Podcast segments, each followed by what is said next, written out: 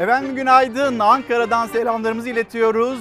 Bugün 4 Eylül 2020 günlerden cuma Çalar Saat başlıyor. Ben İlker Karagöz.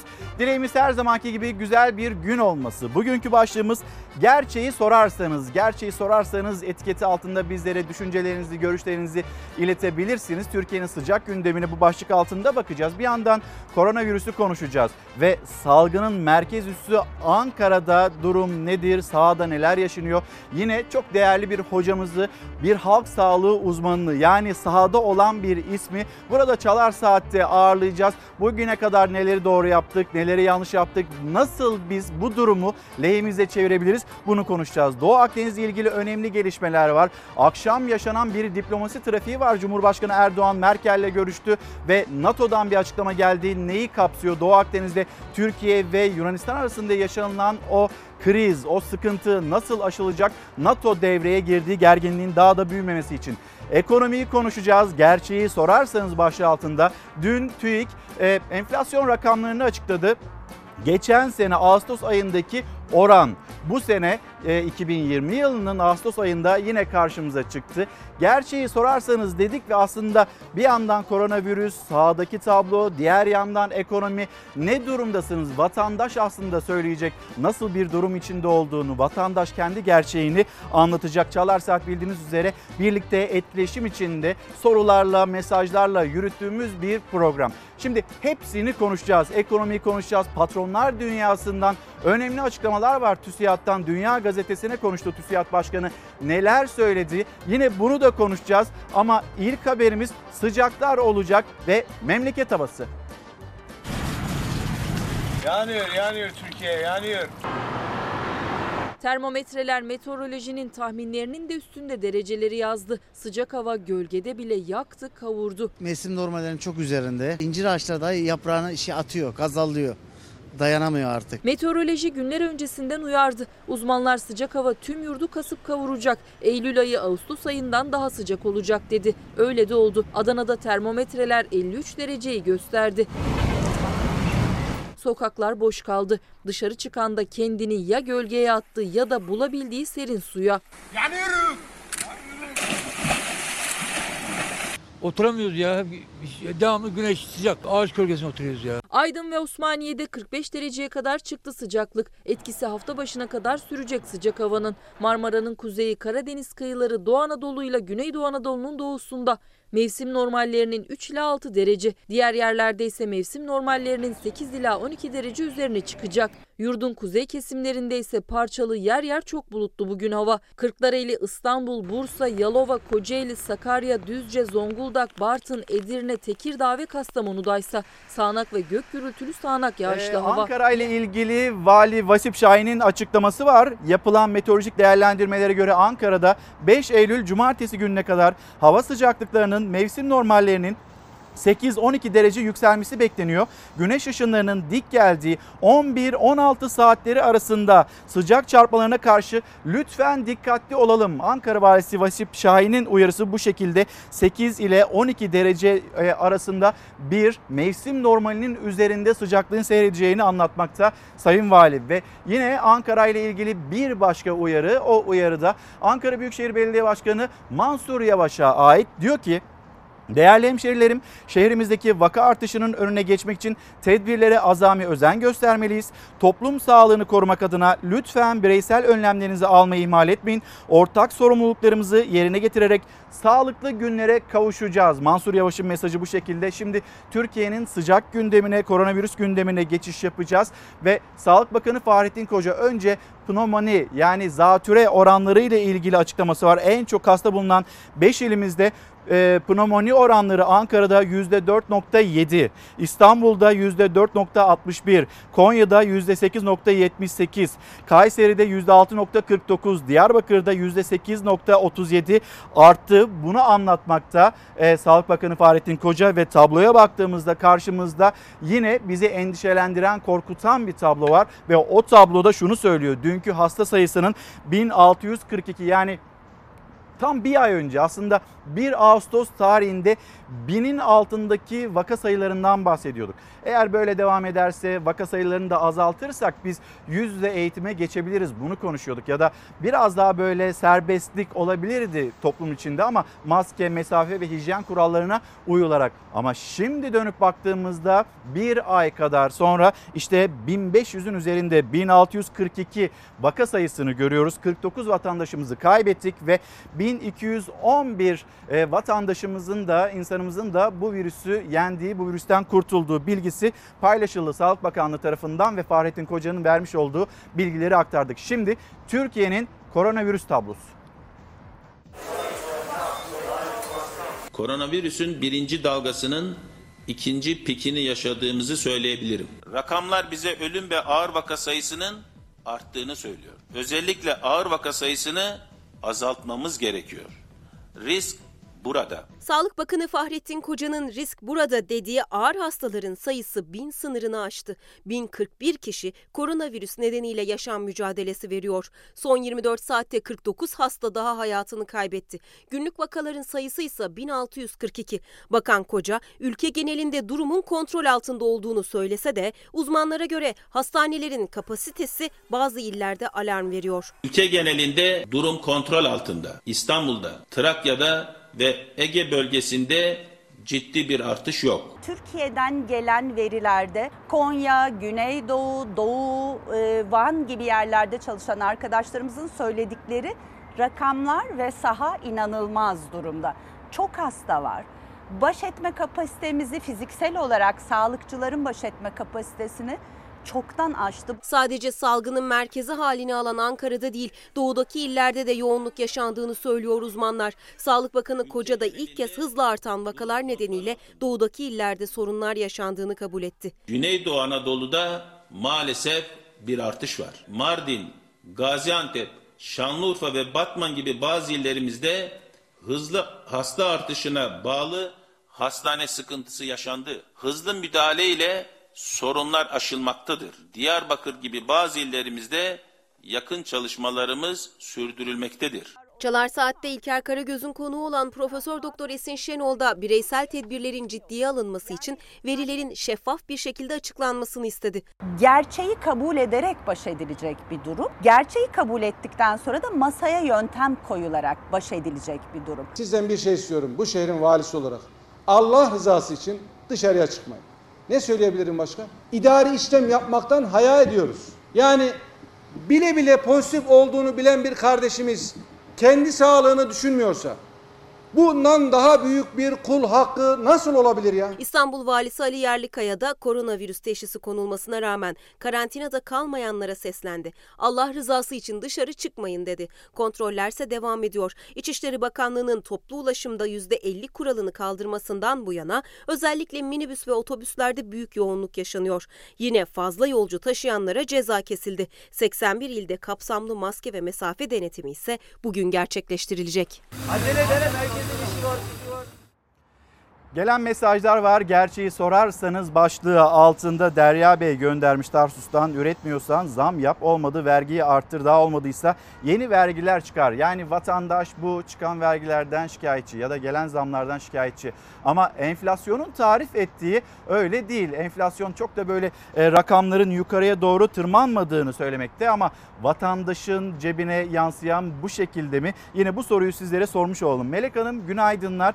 Ben Ankara'nın sosyal medya üzerinden Twitter'dan ve Instagram'dan e, Ankara'nın böyle merkez noktasından şöyle kuş bakışı ne durumda hayat eve sığar uygulamasından göstermeye çalıştım. Yani Gerçeği sorarsanız Ankara'da durum e, gerçekten feci. Burada Esin Davutoğlu Şenol onun da dün e, önemli vurguları vardı ve Sağlık Bakanı Fahrettin Koca Ankara ile ilgili ciddi endişeler iletirken bir yandan da e, bölgesel farklılıklar gösterirken Türkiye'de e, genel itibariyle salgın kontrol altında demişti ama Esin Davutoğlu Şenol dün burada gerçekleştirdiğimiz yayında durum kontrolden çıktığı uzun süredir zaten kontrolde değildi e, değerlendirmesini yaptı. Şimdi Melek Hanım da göndermiş Ankara'nın farklı bir köşesinden bizlere Hayat Eve Sığar e, uygulamasında kendi mahallelerinde durumun nasıl olduğunu belki sizler de bizlere göndermek isteyebilirsiniz.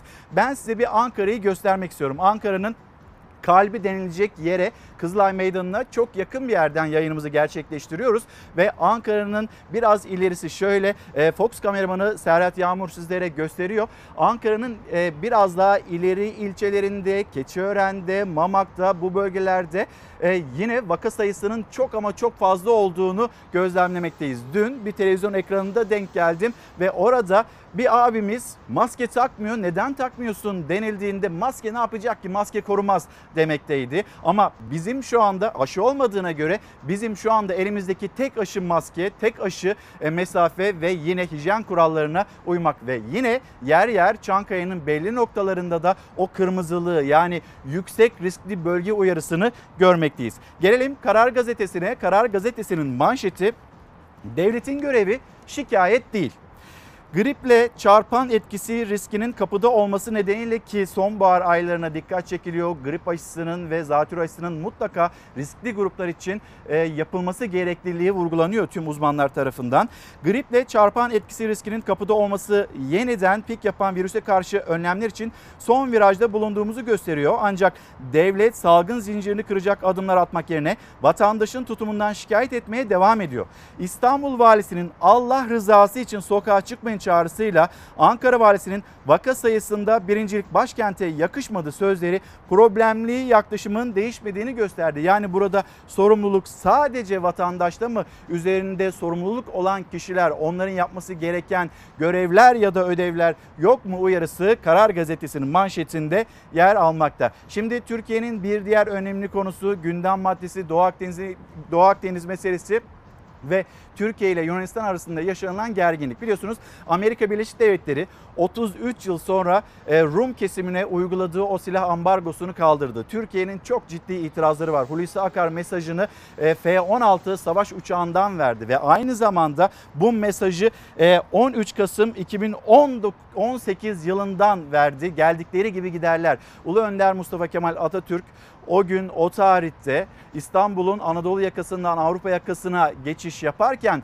ve düşman donanmasının arasından geçiş yaparken Cevat Abbas'a geldikleri gibi giderler demişti ve Cevat Abbas da inşallah size nasip olacak paşam yanıtını vermişti gözyaşları içinde ve görüyorsunuz 102 yıl geçti üzerinden ve biz ilhamı ve o özgüveni yine Ulu Önder Mustafa Kemal Atatürk'ten ve silah arkadaşlarından alıyoruz. Ve şimdi bir bakalım NATO devreye girdi.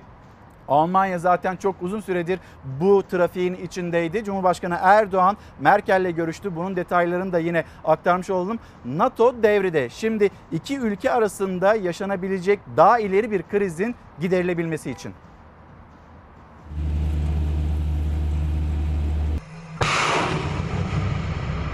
NATO Genel Sekreteri Stoltenberg duyurdu. Türkiye ve Yunanistan'ın teknik görüşmeler yapma kararı aldığını. Dışişleri Bakanlığı'ndan ön koşulsuz diyaloğa hazırız mesajı geldi.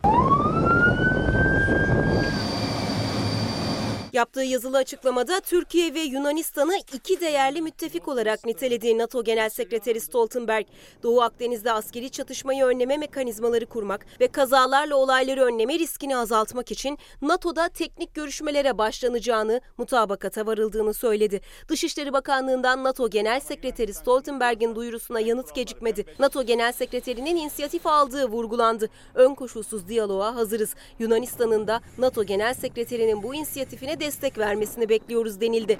Gözler Yunanistan'dan gelecek cevaba çevrildi. Oo, arkadakine fırınca yesin. Defansif değil mi? Ama öndekine çakabilirim. Doğu Akdeniz'de çözümün yolu diyalog ve müzakeredir. Sağduyu ve aklı selimle hareket edilirse kazan kazan temelli bir formül bulunabilir. Cumhurbaşkanı Recep Tayyip Erdoğan ise Almanya Başbakanı Merkel'le bir video konferans görüşmesi yaptı.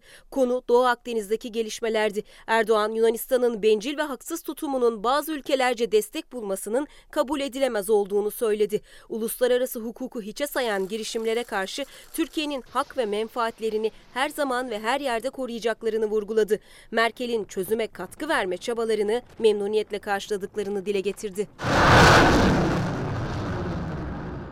Biz ilhamı Ulu Önder Mustafa Kemal Atatürk'ten alırken bugün yaşadığımız çirkin bir olay. Bir sapıklık başka bir şey değil. Cumhuriyet Gazetesi, Cumhuriyet Gazetesi'nin manşetinde, Hürriyet Gazetesi'nin ilk sayfasında ve Sözcü Gazetesi'nin manşetinde. AKP'liler çocuğa istismardan tutuklanan tarikat lideri Fatih Nurullah'ı el üstünde tutmuş. Cumhuriyet Gazetesi'nin manşeti Şeyh protokolde şeklinde bir takım fotoğraflar var. Melik Gökçe'yi görüyorsunuz. Emrullah İşler, Yalçın Akdoğan, e, Ahmet Misbah Demircan ve yine Kadir Mısıroğlu onlarla yan yanalık fotoğrafları verilmiş ve Şeyh protokolde Cumhuriyet Gazetesi'nin manşeti. Hürriyet Gazetesi savunması da bir skandal. Sakarya'da bir müridinin 12 yaşındaki kızını taciz edince tutuklanan Eyüp Fatih Şaban ifadesinde bir hata yaptık ama büyütülecek bir şey yok dedi. Yok ya büyütülecek bir şey yok mu? 12 yaşındaki bir çocuğa cinsel istismarda, cinsel tacizde bulunuluyor ve kafaya bakar mısınız? Düşünceye bakar mısınız ya da ifadeye bakar mısınız?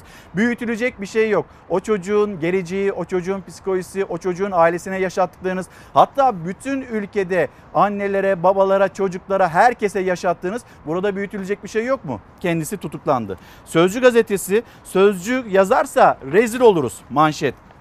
Rezil olun. 12 yaşında bir çocuğa yönelik cinsel istismardan tutuklanan Sakarya'daki Uşaki tarikatı lideri Fatih Nurullah'ın ahlaksız itirafları ortaya çıktı. Sapık şey mağdur babaya bunu yayma söz yazarsa rezil oluruz diyor. İşte olayı örtbasa çalışan utanmaz şeyhin cinsel istismarda bulunduğu çocuğun babasına söyledikleri. Bu yaşananlar ifşa olursa ben daha duramam buralarda. İnsan içine çıkamam. İleri giden bir şey yok insan nefis taşıyor demekte. Hata etmiş olabilirim. Namusuna, iffetine, e, bekaretine herhangi bir e, sorun yok. Sevişme diye bir şey yok oğlum. Sadece öptüm. Bu da Allah'ın bir takdiri. Hadi bizim e, umurlarımızı bırak. Yani işte Oda TV'si sözcüsü, Sözcü gazetesi yazar şimdi. Millete rezil oluruz. Ben insan içine çıkamam. İnsan içine çıkamayın. Rezil olun. Ve Sözcü gazetesinin manşeti de rezil olun. Saçımızı sakalımızı artıracağız elhamdülillah. Çocuk istismarıyla masum yavrularımıza uzanan şeref yoksunu hain ve zalim ellerle mücadele etmek hepimizin vazgeçilmez görevidir. 12 yaşındaki kız çocuğunu taciz suçlamasıyla tutuklanan tarikat lideri Fatih Nurullah hakkında Diyanet'ten açıklama geldi. Şeref yoksunlarıyla mücadele hepimizin görevi diyen Diyanet'in din istismarı vurgusu da dikkat çekti. İlim ve irfanla alakası olmadığı halde kendilerine menfaat devşiren din istismarcılarına karşı da aziz milletimizi bir defa daha uyarıyoruz. Sakarya'nın Akyazı ilçesinde yaşayan kendisini Fatih Nurullah Takma adıyla Uşaki isimli tarikatın lideri olarak tanıtan 58 yaşındaki Eyüp Fatih Şaban iddiaya göre müritlerini kabul ettiği yazlıkta anne ve babasıyla birlikte gelen 12 yaşındaki kız çocuğuna cinsel istismarda bulundu. Cinsel taciz olayından daha sonra haberdar olan küçük kızın babası şikayetçi oldu. Geçtiğimiz perşembe günü jandarma dergaha baskın yaptı. Tarikat lideri Fatih Nurullah gözaltına alındı. Çıkarıldığı mahkemede küçük yaştaki çocuğa cinsel istismar suçlamasıyla tutuklandı. Hem dini duygu ve değerlerimizin hem de göz bebeğimiz olan çocuklarımızın istismara karşı korunması için herkesi sorumluluk almaya davet ediyoruz. Bugüne kadar çocuğa cinsel istismarda muhalefetin sessiz kalmakla eleştirdiği Diyanet İşleri Başkanlığı da tarikat liderinin cinsel istismar suçundan tutuklanması sonrası açıklama yaptı. Çocuk istismarına karşı sorumluluk mesajı paylaştı Diyanet. Çocukları korumak hepimizin görevi dedi. Ortaya çıkan bir ifade ne var ki bunda büyütülecek bir şey yok e, açıklamaları, değerlendirmeleri ve ortaya çıkmaması için büyük bir gayret sarf eden bir sapıklık. Gerçeği sorarsanız bu kişilerin ifşa olması gerekiyor. Gerçeği sorarsanız bu kişilerin rezil olması gerekiyor ve çocuklarımızı korumamız gerekiyor. Bu tür insanlardan, bu tür insanların insan içine çıkmaması gerekiyor. Karar Gazetesi'nden siyasetin gündemine de bir geçiş yapalım. Siyasetin gündemi ee, Abdullah Gül, e, önceki Cumhurbaşkanı Abdullah Gül acaba e, Cumhuriyet Halk Partisi'nin bir sonraki seçimde, Cumhurbaşkanlığı seçiminde adayı olacak mı olmayacak mı? Aslında Ankara'da böyle bir tartışma yoktu ama birden Abdullah Gül ismi Ankara'da yeniden konuşulur oldu. Hatta Cumhuriyet Halk Partisi'nin adayıymış gibi konuşulur oldu. Ama bununla ilgili CHP lideri Kemal Kılıçdaroğlu'nun NTV'nin e, yayınına katıldığı açıklamaları var. Onu anlatacağız. Bir erken seçim olur mu olmaz mı? Ufukta böyle bir e, gelişme var mı yok mu? Bununla ilgili e, Gelecek Partisi lideri Ahmet Davutoğlu'nun bir açıklaması değerlendirmesi var. Erdoğan Bahçeli'nin sürprizine hazır olmalı dedi Ahmet Davutoğlu. Türkiye'de erken seçime hazır olmalısınız. Erdoğan ve bu koalisyon için 2023'e kadar devam zor çünkü Bahçeli sürprizleri bayılır. Erdoğan her türlü sürprize hazır olmalı. Şu anda ne Cumhur ne de Millet İttifakı'nı kalıcı, başarılı ve stabil görüyorum. Erdoğan ekibi parti e, sağdaki gerçekleri görmüyor. Erdoğan ekibi, partisi, teşkilatı sağdaki gerçekleri görmüyor. Güç ellerindeymiş gibi bir illüzyon var onlarda. Her hafta doğalgaz yatakları gibi şeyler üretmek zorunda kalıyorlar. Ama bu işin gidişatı 2023'te değil daha erken bir tarihte 2021-2022 daha fazla gidemez bu e, ittifak denilmekte Cumhur İttifakı içinde ve Bahçeli'nin bir sürpriz yapabileceğini erken seçime Türkiye'nin gidebileceği öngörüsünü dillendiriyor Ahmet Davutoğlu. Adayı ittifak belirleyecek CHP lideri Kemal Kılıçdaroğlu'nun açıklaması. Seçim gündemine ilişkin tartışılan sözünü tekrarlayan CHP lideri Abdullah Gül'ün ismi geçince neden korkuyorsunuz dedi. Millet İttifakı'nı işaret etti. İttifakı yok sayıp aday belirlemeyiz. CHP lideri Kemal Kılıçdaroğlu bir aday belirlenecekse ilkeler içinde belirlenecek. Parlamenter sisteme döndürecek bir e, ilke içindeyiz biz Millet İttifakı olarak ve biz bu ilkeyle hareket ederken adayı da belirleyeceksek o ittifaka danışacağız demekte. Nere var? 2023'te olacak diyorlar. Bugünden 2023'ün efendim Cumhurbaşkanı adayı kim olacak tartışmasına gerek var mı? Kişi üzerinden bir tartışmayı götürürseniz ilkelerden vazgeçmiş olursunuz. Efendim o mu olsun, bu mu olsun, şuna karşıyız, buna karşı. Hükümetin dayatmasıyla veya hükümetin yönlendirmesiyle bu tartışmalar yapay tartışmadır. Abdullah Gül'ün ilk seçimlerde CHP'nin Cumhurbaşkanı adayı olarak gösterileceği iddiasına CHP lideri Kılıçdaroğlu yapay tartışma diyerek yanıt verdi. Cumhurbaşkanı adayını Millet İttifakı ortaklarıyla belirleyeceklerini söyledi. Birlikte yol yürüdüğümüz bir ittifakımız var. Önce ilkeler üzerinde bir mutabaka sağlayacağız ki bu ilkelerin gereğini yapacak olan kişiyi seçelim.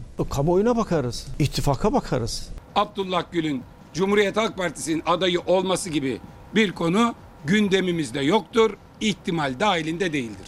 Bu haberleri kesin bir dille yalanlıyoruz. Olası erken seçim tartışmalarıyla birlikte CHP'nin de Cumhurbaşkanı adayı kim olacak sorusu sık sık gündeme getiriliyor. Ortaya atılan Abdullah Gül iddiasını önce Özgür Özel yalanladı. Kılıçdaroğlu da gereksiz tartışma dedi. Cumhur İttifakı'nın Abdullah Gül isminden çekindiğini söyledi. Abdullah Gül'ün ismi olunca ki korkuyorlar. Ya neden korkuyorsunuz? CHP liderine Mansur Yavaş ve Ekrem İmamoğlu da soruldu. Kılıçdaroğlu önemli olan ilkeler yanıtını verdi. Sistem değişikliğinin öncelikleri olduğunun altını çizdi. Demokratik parlamenter sisteme dönüş yapmak istiyorsunuz. Tek adam rejimi değil. Bunları bir tarafa bırakıyoruz. Cumhurbaşkanı adayı kim olacak? Absürt bir tartışma. Bakanlar milletvekillerini ciddiye almıyor. Bürokrat milletvekillerinin telefonuna çıkmıyor. Sistem Türkiye Büyük Millet Meclisi'ndeki milletvekillerine karşı itibar erozyonu yaratmıştır. Bundan dolayı diyorum ki parlamenter sistem ayak sesleri duyuluyor. Cumhurbaşkanlığı hükümet sistemi için oy isteyen eski MHP'li Cemal Engin da parlamenter sistem dedi. CHP lideri ise ilk seçimde Millet İttifakı'nın bir numaralı vaadinin parlamenter sisteme geçiş olacağını söyledi. Onlar da demokrasi istiyor, ben de demokrasi istiyorum. Onlar da cumhuriyeti demokrasiyle taşlandıracağız diyorlar. Ben de aynı şeyi söylüyorum. Önerimizde iyileştirilmiş, güçlendirilmiş parlamenter sisteme geçiş. Yeni yönetim sistemimiz herkesin kendi işine odaklanmasını sağladı. Önümüzdeki seçim bir siyasi parti seçimi değil, sağ sol seçimi değil. Demokrasiden yana olanlar, totaliter rejimden yana olanlar. Vatandaş istiyorsa onu tercih etsin. Cumhur İttifakı Cumhurbaşkanlığı hükümet sistemini savunuyor. Millet İttifakı parlamenter sisteme dönüş için çalışıyor. 2023 öncesi bir erken seçim olur mu bilinmez ama seçimin en sıcak gündeminin sistem tartışması olacağı kesin.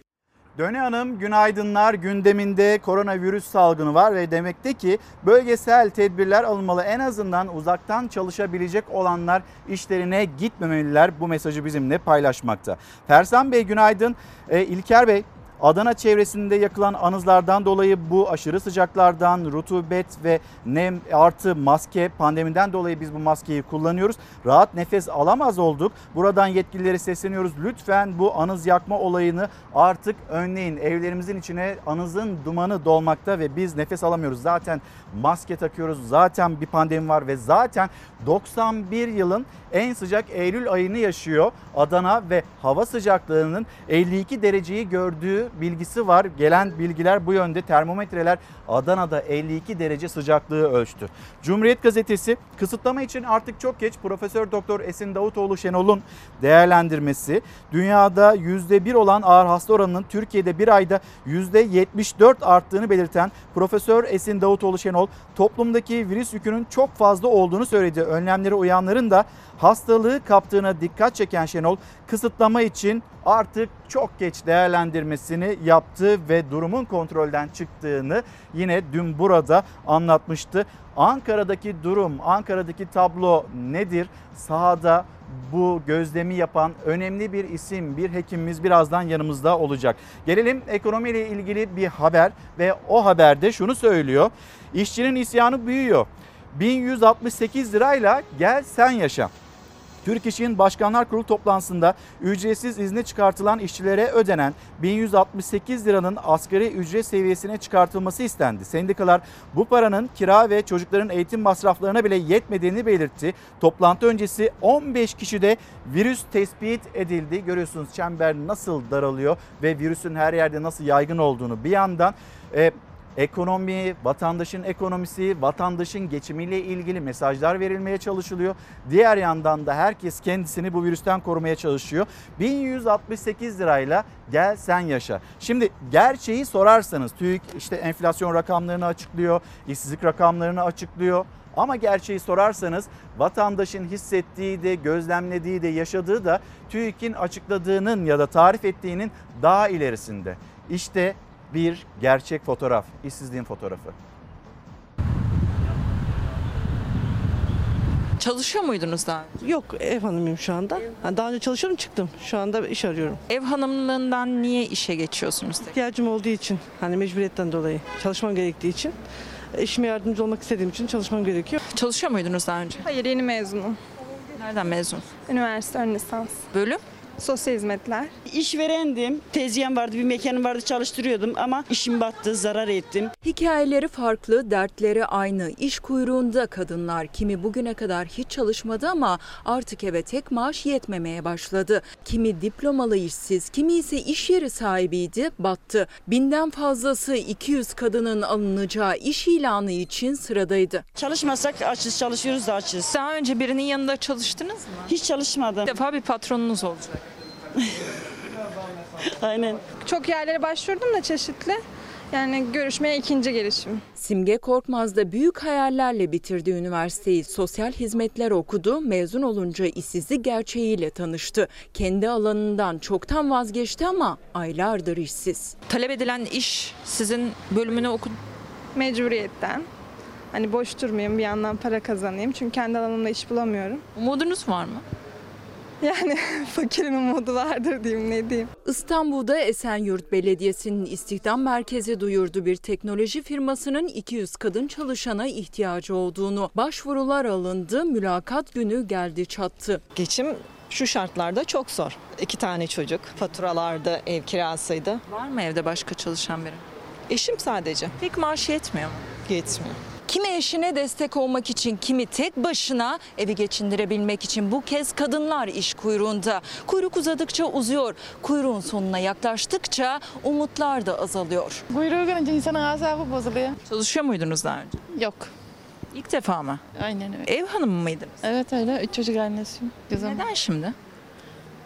Ya ihtiyaç meselesi. Tek kişi yetinmiyor yani. Yetmiyor. Evet aynen öyle. Bekliyoruz ama bakalım. Niye umutsuzuz bu kadar? Umutsuz değilim de yani çok sıra var. Babam emekli, annem ev hanımı. Yani kardeşimi de okul görevi bana düştü abla olarak. Babam ba- çok zorda kalıyor bazen. Bazen şey e, kira parası falan da çıkmıyor biliyor. 200 kadın alınacaktı işe başvurular 5 katını aştı. Mülakattan mutlu ayrılan da oldu, umutsuzluğu katlanan da. Şaşkınsınız. Ay birden heyecanlandım. Beziye abla. Buna kusura bakma. Olmadı. Celal Keçici günaydın. Celal Keçili günaydın. E, gerçeği sorarsanız etiketi altında Instagram'dan yazmış göndermiş. Doların yükselişi ne olacak diye. Madem siz sordunuz hemen bir piyasalara da bakmış olalım. Piyasalardaki durumu aktaralım sizlere. Türk lirası tarihinin hiçbir döneminde hiç bu kadar değer kaybetmemişti. Dolar karşısında ya da euro karşısında. Dolar 7 lira 45 kuruş seviyesinde. Çeyrek altın 762 liradan satılıyor ve serbest piyasada belki biraz daha yüksek fiyattan bulabilenler de olacaktır. Bununla karşılaşanlar da olacaktır ve euronun da 8 lira 82 kuruş olduğunu aktaralım. Şimdi dün enflasyon rakamlarının ardından hemen şöyle bir piyasalara bakıldı. Dolara bakıldı, euroya bakıldı, bir yükseliş var mı yok mu diye. Bununla ilgili de Profesör Doktor Yalçın Karatepe, Yalçın Hoca'nın bir değerlendirmesi var. Onu aktaralım. Enflasyon verisi açıklandıktan sonra dolar 7.40'ı geçti gibi mesajlar görüyorum. Doların yükselişinin ilan edilen enflasyon verisiyle ilgisi yok. Çünkü o veriyi pek dikkate alan yok. Yalçın Hoca'nın değerlendirmesini aktardıktan sonra Fransa şimdi Türkiye ve Yunanistan arasında bir kriz yaşanıyor. Doğu Akdeniz'de enerji sahalarını Türkiye'yi ve Kuzey Kıbrıs Türk Cumhuriyeti'ni dışarıda bırakarak paylaşmaya çalışan ya da e, Türkiye'yi itmeye bu bölgeden kendi kara sınırına itmeye çalışan bir Yunanistan, onu destekleyen bir Fransa var. Türkiye'nin de buna tepkileri geldi. Hatta Yunanistan Fransa ile masaya oturdu 18 tane savaş uçağı alma girişiminde. Sonra adalar silahsız olması gereken adalar bu adaların silahlandırılması Fransa'nın yine desteğiyle kışkırtmasıyla Ankara'dan tepkiler geldi ve bu tepkilerin e, dillendirildiği adres Cumhurbaşkanlığı İletişim Başkanı Fahrettin Altun, Fransa Cumhurbaşkanı Emmanuel Macron'un Lübnan'da bir Hizbullah yöneticisiyle gerçekleştirdiği görüşmeyi haber yapan Le Figaro muhabirine yönelik saygısızca tepkisinden ve hakaretlerinden derin endişe duyduk. Bu olay Fransız polisinin geçtiğimiz aylarda sokak gösterileri sırasında gazetecilere yönelik şiddetiyle birlikte düşünüldüğünde Fransa'nın gazeteciler için giderek daha tehlikeli bir yer haline geldiği ortadadır. Fransa'nın gazeteciler için giderek daha tehlikeli bir yer haline geldiği ortadadır. Sayın Macron kendisinin eleştirilemediği gerçeklerden kopuk bir dünya hayal ediyor. Gazetecilerin kendisinin keyfini kaçıran haber yapmadığı bir düzen istiyor. Sırf kendisi çok arzuladığı için Libya'da bir savaş suçlusunun galip gelmesine tamah ediyor demekte Fahrettin Altun ve buna da bir yanıt var. Buna da bir e, karşı yanıt var. Türkiye'yi örnek göstererek Cumhuriyet Halk Partisi Grup Başkan Vekili Özgür Özel'den şaka gibi fil dişi kulelerinizden çıkın da Türkiye'de gazetecilere çektirdiklerinize bir bakın. Gazeteciler cezaevi ve işsizlikle, televizyonlar karartmayla tehdit ediliyor. Azarlama ne ki? Hala keyfinizi kaçıracak birkaç gazete ve televizyonunu susturamamanın stresi var herhalde dedi Özgür Özel ve neyi örnek gösterdi? Tele1'i örnek gösterdi. Ve evet işte ka- karartılıyoruz ama Evet. susmayacağız. Hoşçakalın. Evet. Canlı yayında saatler gece yarısı 12'yi gösterdiğinde Tele1 televizyonun ekranı 5 gün süreyle işte böyle karardı. Siyasetten tepkiler de peş peşe geldi. Özgür basını susturunca ekonomi düzelmeyecek, kanalları kapatınca vatandaşın derdi geçmeyecek. İktidarın bağımsız medyaya yönelik bu tutumunu basın ve ifade özgürlüğüne yönelik evrensel bir hak ihlali olarak değerlendiriyoruz. Herkese çok teşekkür ediyorum ben. Bütün dayanışma gösteren dostlarımıza, gazeteci arkadaşlarımıza ve izleyicilerimize. 30 Nisan ve 24 Mayıs 2020 tarihlerinde yayınlanan haber bültenlerinde Diyanet İşleri Başkanlığı'na yönelik kullanılan ifadeleri yayın ihlali olarak değerlendirdi Radyo Televizyon Üst Kurulu. Dil, din, ırk, mezhep gözeterek halkı kim ve düşmanlığa sevk ediyor diyerek 5 gün süreyle kapama cezası verildi Tele1 televizyonuna. Tele1'i susturmaya çalışıyorlar. Tele1 cezaya itiraz etti. Mahkeme yürütmeyi durdurma kararı verdi. Ancak üst mahkeme bu kararı iptal edince gece yarısı Tele1 ekranı karardı. Ve evet işte ka- karartılıyoruz ama susmayacağız. Ulusal yayın yapan bir kanala tarihte bu boyutuyla verilen bu ilk ceza iktidarın sansürcü ve baskıcı tutumunun kanıtıdır. Liderlik susturmakla değil kulak vermekle olur. Sorunları saklamakla değil çözüm üretmekle olur. İyi Parti lideri Meral Akşener isim vermeden Cumhurbaşkanı Erdoğan hedef aldı. Eski MHP'li vekil Cemal Engiyurt da demokratik bir ülkede ekran kararmaz diyerek tepki gösterdi. Muhalif kanal diyebilirsiniz, fikirlerini beğenmeyebilirsiniz. Lakin ekran karartmak hiç de hoş görüntü değildir. TL1 siyasi olarak bana çok uzaktır. Fakat herkesin konuşma hakkı vardır. Hakaret etmedikçe. 5 gün süreyle yayını durdurulan Tele1 televizyonu 8 Eylül tarihinden itibaren yeniden izleyicisiyle buluşacak. Soruyoruz, sorguluyoruz, anlamaya ve anlatmaya çalışıyoruz. Sizlerden gelen mesajlara da bakıyoruz. Nuri Kıroğlu aynı okulda 2008'de göreve başlayan öğretmenin toplam hizmet puanı 220 iken yine aynı okulda 2010'da göreve başlayan öğretmenin toplam hizmet puanı 260. Adalet nerede? Gerçeği sorarsanız Milli Eğitim Bakanlığı derhal adaleti sağlamalıdır. Gönderilen mesaj bu şekilde. Efendim şimdi bir mola vereceğiz. Sonra haber turumuza, maratonumuza hızlı bir şekilde devam edeceğiz. Efendim bir kez daha günaydın. Çalar Saat devam ediyor. Konuğumuz geldi. Doçent Doktor Cavit Işık Yavuz. Türk Tabipler Birliği Koronavirüs İzleme Heyetinden. Hocam günaydın. Günaydın. Hoş geldiniz. Çok Birazdan çok yoğun bir mesaiye gideceksiniz ama sizin söyleyecekleriniz yine çok kıymetli. Ee, geçtiğimiz haftalarda, aylarda sizinle karşı karşıya gelmiştik. Bir yayın gerçekleştirmiştik. Bu sürecin nereye evrilebileceğini anlatmıştınız bize detaylarıyla. Siz sahadaki isimlerden birisiniz. Bir halk sağlığı uzmanısınız. Anlatmaya, tarif etmeye çalışıyorsunuz. Ama şu anda Ankara ile ilgili ciddi bir durumla karşı karşıyayız. Mesela bir izleyicimiz yazmış, bizimle paylaşmış. Diyor ki Ankara'da yaşıyorum. Bu sıralar sürekli selalar okunuyor. Çok üzücü ama insanlarımız çok duyarsız. Maske takmayan kişileri görüyorum fazlasıyla. Bir kere bile maskesiz çıkmadım dışarı. Sağlık her şeyden önemli demekti. Yine Ankara Büyükşehir Belediye Başkanı Mansur Yavaş'ın başkentlere bir seslenişi var. Değerli hemşerilerim, şehrimizdeki vaka artışının önüne geçmek için tedbirleri azami özen göstermeliyiz. Toplum sağlığını korumak adına lütfen bireysel önlemlerinizi almayı ihmal etmeyin. Ortak bir sorumluluk içindeyiz ama o sorumluluğu ne kadar yerine getiriyoruz? Sizin gözlemleriniz nedir? Bunu sormak istiyorum. Ama önce Ankara'daki tabloyu bir izleyicilerimizle paylaşalım. Buyurun. Şu an Türkiye'de vaka sayısının en fazla olduğu il Ankara. İstanbul'u iki kat oranında geçmiş durumda. Ankara Türkiye'nin Wuhan'ı oldu tespiti geldi dün. Geç bir tespit ama çok yerinde bir tespit. Özetle durum kontrolden çıkmış vaziyette. Ambulanslar yer arıyor. 19. hastanesiniz siz sorduğumuz diyor. Biz hasta bakıyoruz. Sahanın 19. tabii hastane. Salgının ilk 5 ayında vaka sayılarıyla örnek olan Ankara'da tablo öyle bir tersine döndü ki salgının yeni merkez üssü oldu başkent. Türkiye'nin Wuhan'ı olarak anılıyor artık. Sağlık Bakanı Fahrettin Koca başkent mega kent İstanbul'u ikiye katladı dedi. Bakanlığın Hayat Eve Sığar uygulamasında Ankara'nın her ilçesi kırmızı alarmın bir başka kanıtı oldu. Ben Gazi Acil Servis'teki durumu anlatmak bile istemem. İnsanlar böyle 200'lü sıralar, 300'lü sıralar şehir hastanesine gitmesini söylüyorum. Gazi Acil ve servisler tıkanmış durumda. Hasta bana çekip yolluyor. 700. sıradayım hocam. Ben burada dayanacak halim yok diye. Tedbirleri Ankara'da daha yoğunlaştıran bir yaklaşım ve çaba içindeyiz. Sağlık Bakanı Fahrettin Koca Ankara özelinde sokağa çıkma yasağının gündemde olmadığının altını özellikle çizdi. Çalar Saat programında İlker Karagöz'ün konuğu olan enfeksiyon hastalıkları uzmanı Profesör Doktor Esin Davutoğlu Şenolsa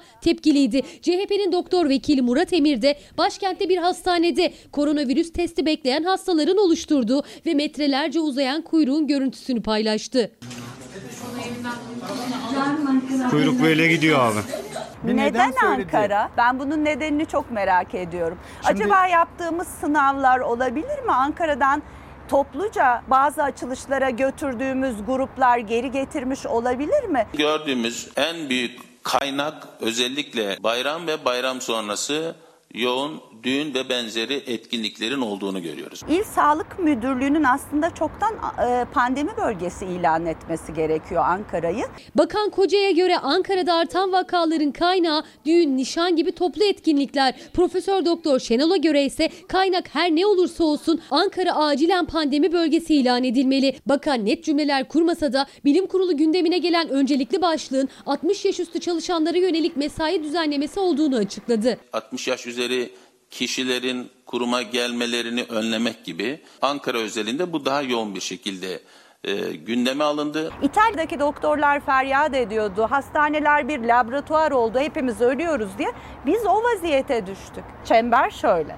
Aynen bunu hissediyoruz. Buramızda cenaze ilanımızda gidip geliyoruz. Alev alev bir salgının içindeyiz. Ankara pandeminin de tartışmaların da ortak adresi. Doçent Doktor Cavit Işık Yavuz'la konuşacağız. Hocam şimdi neden Ankara? Ankara'da vaka sayısı neden arttı? Bir, iki, e, Türkiye'nin yeni merkez üssü ya da Wuhan olarak adlandırılıyor Ankara. Sizin tespitleriniz sahada gördüğünüz nedir? Şimdi neden Ankara sorusuna elimizde çok veri olmadığı için bir şey söylemek zor. Çünkü biz Ankara'daki il verisini de bilmiyoruz. Yani Ankara evet vakalar arttı, çok sayıda artış görülüyor e, deniyor. Hatta Sayın Bakan şu anda Türkiye'de en çok vakanın Ankara'da olduğunu, daha doğrusu en çok iller arasında Ankara olduğunu söyledi ama şu ana kadar ildeki vaka sayısıyla ilgili net bir rakam da söylenmiyor. Yani günde kaç kişi Ankara'da korona pozitif olarak tespit ediliyor bilmiyoruz. Ancak Yani sahada şeffaf olunmadığına mı itirazınız var? Şöyle söyleyeyim. Haziran sonundan itibaren aslında Sağlık Bakanlığı bölgelere göre bazı veriler yayınlamaya başladı. Neredeyse 5 ayın sonunda hani bazı daha detaylı veriler yeterli olmasa da ortaya kondu ama hala il düzeyindeki veriler açıklanmıyor. Şimdi biz etrafımızdaki hastanelerdeki meslektaşlarımızdan gelen bildirimlere bakıyoruz, geri bildirimlere bakıyoruz. Ya da kendi yaşadığınız. Kendi yaşadıklarımıza bakıyoruz. Bizim şu anda 16 asistanımız sahada filyasyon ekibinde.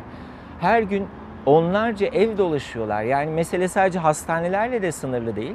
Resmi verilere bakıyoruz. Arada öyle bir uyumsuzluk var ki. Nasıl bir uyumsuzluk var? Şöyle söyleyeyim. Oransal olarak. Ee, günlük durum raporu yayınlıyor Sağlık Bakanlığı. Orada bölgesel veriler paylaşıyor. Ankara, Konya, Karaman bölgesi 3 ilden oluşan bölgenin rakamı günlük 390. Yani bu 390'ın içinde hem Ankara var hem Konya var. Eşit olsa yani 200 civarında günlük vaka var. O zaman eğer günde Ankara'da 200 civarında bir vaka varsa toplamda hastaneler niye bu kadar yoğun? Niye hastanelerin kapasitesi zorlanmaya başladı Ankara'da? Bir uyumsuzluk var.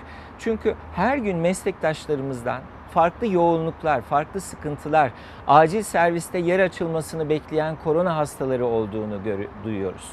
Ben kendi hastanemden biliyorum. Anlatır mısınız? Kapasite zorlandıkça yeni servisler açarak o kapasiteye yanıt vermeye çalışan, yoğun bakım kapasitesini arttırmaya çalışan, yoğun bakım yatak sayısını arttırmaya çalışan büyük bir çaba var. Ama Siz şimdi Hacettepe Üniversitesi Hastanesi'ndesiniz. Evet. Hacettepe Üniversitesi'nde durum nedir? Şu anda ihtiyaca yanıt veren bir noktada e, Hacettepe Üniversitesi Hastanesi. Hani bir zorlanma, bir kapasite aşımı söz konusu değil ama ihtiyaçlara Şükür göre de kendi düzenlemesini yaparak yanıt vermeye çalışıyor. Burada çok önemli bir nokta var. Mesele sadece yoğun bakım yatağı değil. Çünkü yoğun bakım çok özellikli bir hizmet. Siz bir yoğun bakım kuracağınız zaman ilk ihtiyacınız olan uzman hekim, uzman hemşire, uzman personeldir. Onlar olmadan oradaki ne solunum cihazının bir anlamı vardır, ne yatakların bir anlamı vardır, ne de fizik ortamın bir anlamı vardır. Burada da zorlanılmaya başlandı. Burada da farklı kurumlardan personel takviyesiyle, farklı kaydırmalarla bir e, yol izlenmeye çalışılıyor. Bunun yanında bir birinci basamak sağlık hizmeti meselesi var. Aile hekimleri her gün yüzlerce hastayı takip etmeye çalışıyorlar. Korona pozitif olup evde tedavisini alan hastaları takip etmeye çalışıyorlar. Filyasyon ekipleri her gün onlarca, yüzlerce temaslı takibi dediğimiz yani korona pozitif biriyle teması olmuş ve risk altında olan kişilere gidip onları karantina altına almaya çalışıyorlar ya da evde tedavilerini başlıyorlar. O kadar yoğun ve o kadar büyük bir çaba var ki ve bu anlamda personel ihtiyacı olduğu için Sağlık Müdürlüğü üniversitelerden bazı bölümlerden asistanları sahaya çekiyor. Bizim bölümümüzün 16 asistanı şu anda ev ev dolaşarak filyasyon yapıyorlar. Meseleyi sadece hastane odaklı da düşünmemek gerekiyor. Dolayısıyla Peki hocam şimdi e, Sağlık Bakanlığı açıkladı. Dünkü vaka sayısı 1642. Yani bu kadar bir yoğunluk varsa dünkü açıklanan bu veri ne kadar gerçeği yansıtıyor? Bunun sebeplerini bilmiyoruz. Ee, bakın bir iki gün önce Türk Tabipleri Birliği bir Twitter'da mesaj paylaştı. Şimdi iki tarihin bu Hayat Eve Sığar uygulamasındaki görüntülerini koydu ve o tarihlerde açıklanan bölgesel resmi rakamları koydu. Yoğunluk inanılmaz artmış, kıpkırmızı olmuş Ankara ama vaka sayısına baktığınızda 40 ya da 50'lik bir üstelik 3 ilin bölgesinde 40-50 vakalık bir fark var. Yani 28 Haziran'daki HES görüntüsüyle 12 Ağustos'taki HES görüntüsü arasındaki fark. Şimdi bu neden kaynaklanıyor bilmiyoruz ama özellikle tabip odalarından gelen TTB'ye bildirimler, sahada bizim meslektaşlarımızdan gelen bildirimler resmi vakalarla uyuşmayan bir durum olduğunu gösteriyor. Bunun sebeplerine dair bir şey söyleyemiyoruz. Elimizde bir kanıt yok. Ancak durumun çok ciddi olduğunu hepimizin çok iyi algılamamız gerekiyor. Şu anda Türkiye çok kritik bir noktada. Niye kritik bir noktada? Bakın dünkü açıklanan veriler itibariyle bugün 20 bini aşan aktif vakamız var. Ne demek aktif vaka? 20 bin. Evet 20 bini geçtik. Yani şu anda Türkiye'de 20 bin kişiden fazla insan korona tedavisi alıyor. Bu demek. Ee, özellikle bu sayı Temmuz ayının başında vardı. Yani bir salgında geriye gidiyoruz. Salgında geriye doğru gidiyoruz. Aslında vaka sayımız düşmesi gerekirken geriye doğru gidiyoruz. Bu 20 bin tespit ettiğimiz vaka bunlar PCR pozitifler. Bir de PCR'ı pozitif olmayan ama korona tedavisi alan vakalar var. Bunların sayısını bilmiyoruz. Hiç açıklanmadı şu ana kadar çünkü. Bunların yanında tespit edemediğimiz, belirtisiz seyreden virüsü taşıyan insanları düşünürseniz büyük bir aslında virüs dolaşımı var ülkemizde. Yani Covid aramızda, hala aramızda dolaşmaya devam ediyor ve şu anda biz çok etkin bir şekilde hem bireysel olarak hem de kamusal olarak önlemler almazsak önümüzdeki 3-4 hafta, 6-8 hafta içerisinde çok daha patlayıcı tarzda vakalarla karşı karşıya kalabiliriz. Çünkü bu hastalığın en önemli özelliği toplumsal bulaşıcılığı kontrol altına almazsanız patlayıcı tarzda bir yayılım göstermesidir. O zaman cümlelerinizden şu anda alınan tedbirlerin yeterli e, bulunmadığını anlıyorum. Mesela İstanbul valisi Allah'ınızı severseniz evden dışarı çıkmayın dedi. Ankara valisi işte bu birincilik Ankara'ya, başkentlere hiç yakışmadı dedi. Yani sorunu böyle tarif ettiğinizde ya da vatandaşa e, sorumluluğu daha fazla ilettiğinizde doğru bir yöntem oluyor mu? Tek başına olmaz. Çünkü vatandaşa bıraktığınız zaman kişinin duyarlılığına göre, risk algısına göre, etkilendiği olaylara göre ya da gündelik hayatındaki zorunluluklara göre onun koruma önlemlerini uygulaması değişebilir. Yani bu kişinin inisiyatifine bırakılacak bir şey değildir. Evet, bireysel olarak kesinlikle çok dikkatli, duyarlı olmamız gerekiyor. Ancak bizim artık özellikle toplumsal hareketliliği kısıtlayıcı önlemler düşünmemizin zamanı geldi, geçiyor bile ki birkaç gün önce bildiğiniz gibi düğün, nişan vesaire gibi toplu organizasyonlar yasaklandı. Bu konuda önemli bir şey de yapıldı. Kamudaki esnek mesaiye izin veren bir genelge yayınlandı. Şimdi buna ilişkin toplu taşımayla da başlayarak bizim yeni önlemler tasarlamamız gerekiyor. Sokağa çıkma yasağından bahsetmiyorsunuz. Aklımıza hemen bu gelmemeli. Oraya zaten ona mecbur kalırsak durum çok daha vahim demektir. Umarım ona mecbur kalmayız. Çünkü onun herkes için belli sıkıntıları, belli bedeli var. Ama ona gelene kadar bizim öncelikle denetimleri arttıran, bu denetimleri etkinleştiren stratejilere ihtiyacımız var. Bakın hep aynı şeyi söylüyorum ama e, bilim kurulu rehberinde çok güzel kurallar var. Diyor ki ofis çalışanları için bir ofis ortamında kişi başına 4 metrekarelik bir alan üzerinden planlama yapılmalıdır diyor. Hangi kamu iş yerinde gördünüz bu planlamanın yapıldığını?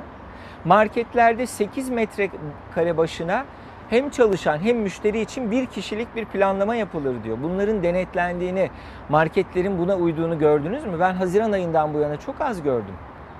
Çok az iş yerinde şöyle bir uyarıyla karşılaştım. Bu iş yerine işte aynı anda şu kadar kişi girebilir. İşte biz bunları yapmalıydık. Çünkü kalabalık temasının olduğu her yerde risk var. Ve biz şu anda daha Türkiye'de bu vaka artışının hangi temaslardan kaynaklandığına dair de çok şey bilmiyoruz. Düğünler ve nişanlar e, özellikle ya da kalabalık etkinlikler adres gösteriliyor. Ama onun dışında iş yeri temasları, toplu taşıma temasları bunlarla ilgili hiç veri ve bilgi yok. Çünkü Türkiye'nin her yerinde düğün ve nişan yapılıyor. Sadece Ankara'da ya da Orta Anadolu'da değil ki. Elbette ki kültürel özellikler burada çok etkili. Dolayısıyla çok kritik bir noktadayız.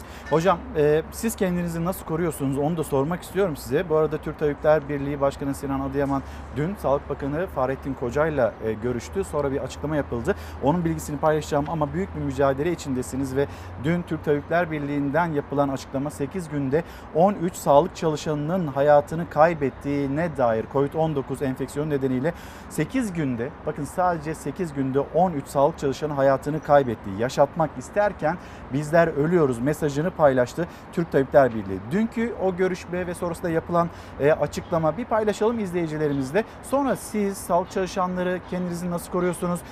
Bu evrede yine belki bize uyarılarınız, tavsiyeleriniz olacaktır. Biz kendimizi nasıl koruyacağız? Onu da konuşmak istiyoruz. Buyurun. Yurt dışında üretilen bazı aşıların da faz 3 aşamalarının Türkiye'de gerçekleştirilmekte gerçekleştirileceğini e, öğrendik. Türk Tabipleri Birliği Merkez Konsey Başkanı Sinan Adıyaman ve Koronavirüs İzleme Kurulu üyesi Özlem Azap, Sağlık Bakanı Fahrettin Koca ile görüştü. Aşıdan verilerin güvenilirliğine kadar pek çok konu masaya yatırıldı. Yaptığımız görüşmelerde kendisine sa- pandeminin geldiği son durumu, virüsün e, hızlı bir şekilde e, yayıldığını ve e, korkarız ki pandeminin kontrolünün, salgının kontrolünün e, elden kaçırıldığı konusunda fikirlerimizi ilettik. Türk Tabipler Birliği kendilerindeki rakamlarla açıklanan rakamların birbirini tutmadığını, salgının kontrolden çıkmak üzere olduğunu düşünüyordu. Sağlık Bakanı ile görüşmek istediler. Görüşme dün gece gerçekleşti. Veriler konusunda yaşanan farklılıklar açıklığa kavuşmadı. Rakamların çok da inandırıcı olmadığını düşündüğümüzü sadece bizim değil, aynı zamanda Ankara e, valisi, e, Erzurum valisi, Rize valisi, Malatya valisinin söylediklerinden ve Ankara, İstanbul, e, e, Adıyaman Büyük e, Adıyaman Belediye Başkanlarının da söylediklerinden bunu çıkardığımızı söyledik. Sağlık Bakanı Fahrettin Koca koronavirüs aşısı konusunda hem Türkiye'de hem yurt dışındaki çalışmalar hakkında da bilgi verdi. Yurt dışında üretilen aşının faz 3 çalışması Türkiye'de yapılacak. Türkiye'de yürütülen ve faz 1 aşamasında olan çalışmalar olduğunu, bunun yanı sıra yurt dışından e, yurt dışında üretilen bazı aşıların da faz 3 aşamalarının Türkiye'de gerçekleştirilmekte gerçekleştirileceğini e, öğrendik. Adıyaman ve Azap sağlık çalışanlarının sıkıntılarını da getirdi masaya. Salgının başından bu yana canlarını ortaya koyarak çalışan sağlık emekçilerinin maaşları için 1 Ağustos itibariyle düzenleme yapıldığı ortaya çıktı. Covid-19 nedeniyle hayatını kaybeden sağlık çalışanlarının meslek hastalığı kategorisine değerlendirilmesi için e, değer çalışmaların sür, diğer bakanlıklarla birlikte, ilgili bakanlıklarla birlikte sürdürüleceğini iletti e, Sayın Sağlık Bakanı. Aile sağlığı merkezinde çalışan aile hekimlerinin e, hastalandıkları zaman, rapor aldıkları zaman e, maaşlarından kesilme oluyordu ve e, yaptığımız görüşme sonunda bunun en kısa zamanda halledileceğini yarın bir gün bir an önce halledileceğini öğrendik. Bu çok sevinç verici bir haber. Profesör Doktor Özlem Azap grip aşılarında geçen yılın 3-4 katı aşı getirildiğini de duyurdu.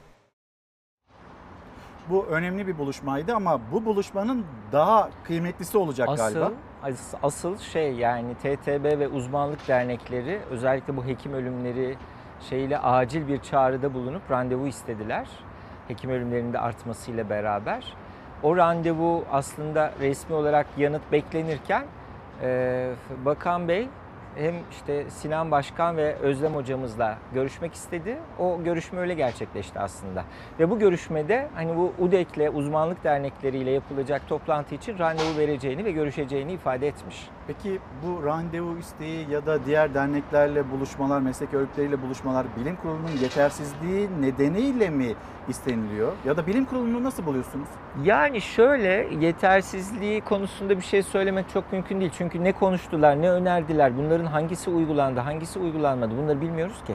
Yani 6 aydır toplanıyorlar, süreci götür. Çok önemli katkıları var burası kesin yani. Bilim kurulunun o rehber hazırlamadaki emeği, süreçteki emeği tartışılmaz. Ama mesele şurada. Neden şu anda mesela bilim kurulu tartışılıyor o zaman? Etkin salgın yönetiminde ne kadar etkileri oldu? Aldıkları kararların uygulaması ne ölçüde oldu? Ne önermişler? Mesela bu kadar hızlı açılmayı ben tasvip ettiklerini hiç zannetmiyorum. Yani 1 Haziran'da bu kadar hızlı ve birdenbire adına normalleştirme denilen şeyi önerdiklerini ya da buna olur dediklerini hiç zannetmiyorum. Onlar bir kademeli açılma önermişlerdir muhtemelen. Yani zaten söylediler ya birkaç e, bilim Ya kurulu bizim üyesi de. tavsiyelerimiz alınıyor dedi. Mesela Tevfik Özlü. Sonra tartışması buradan başladı.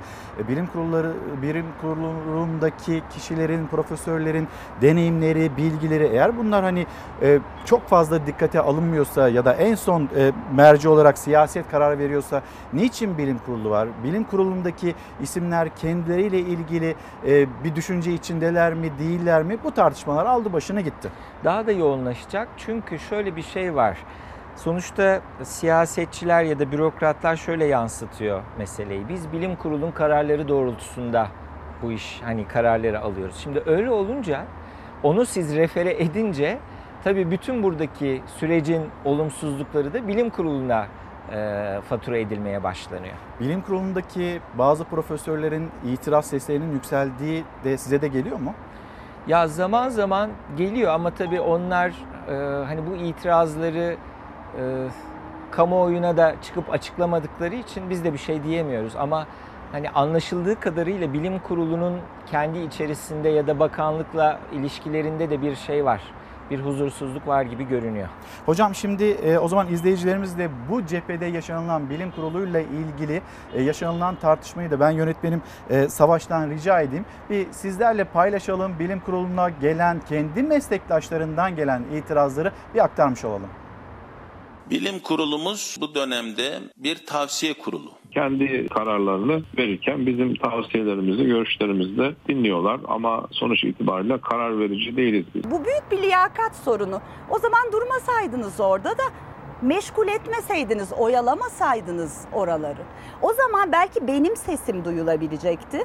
Belki benim gibi gerçekleri söyleyen insanların sesleri duyulacaktı. Bilim Kurulu üyesi Profesör Doktor Tevfik Özlü'nün yetkimiz yok açıklamasıyla başlayan Bilim Kurulu'nun etkinliği tartışmasına Sağlık Bakanı Fahrettin Koca da karar verici değil tavsiye kurulu dedi. Kurulda olmayan enfeksiyon hastalıkları uzmanı Profesör Doktor Esin Davutoğlu Şenol karar alma yetkimiz yok diyen meslektaşlarını eleştirdi. Beni bağışlasınlar ya da ben onları bağışlayayım. Bütün ekranlar onlara ayrıldı ve farklı mercilerde o ünvanı bir nişan gibi taşıdılar. Bilim kurulumuz bu dönemde karar süreçlerimizde rehberlik yaptı. Bazen tavsiye, zaman zaman da uyarılarını yaptı. Yol gösterici oldu. Olayı hafifletecek bir takım söylemlerde bulundular. Duymak isteneni söylediler.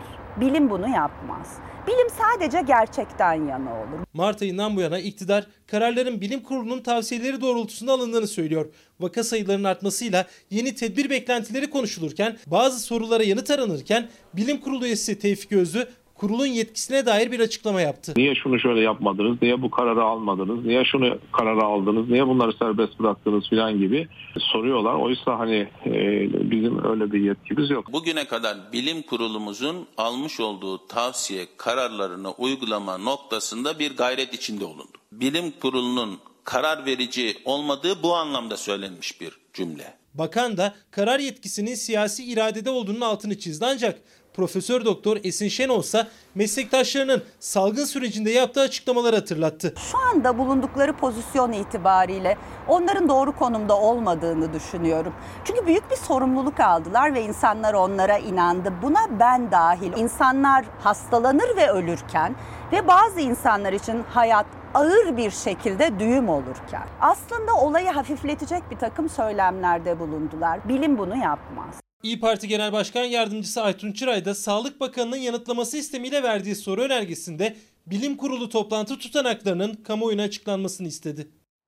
İzleyicilerimizden gelen mesajlar var. Onları da okumak istiyorum. Mesela Dürdane Hanım diyor ki biz dikkat edelim e, cezasını yine biz çekelim. Dikkat ediyoruz ama etraftaki kişilerin dikkatsizliği nedeniyle bunu yaşıyoruz demekti.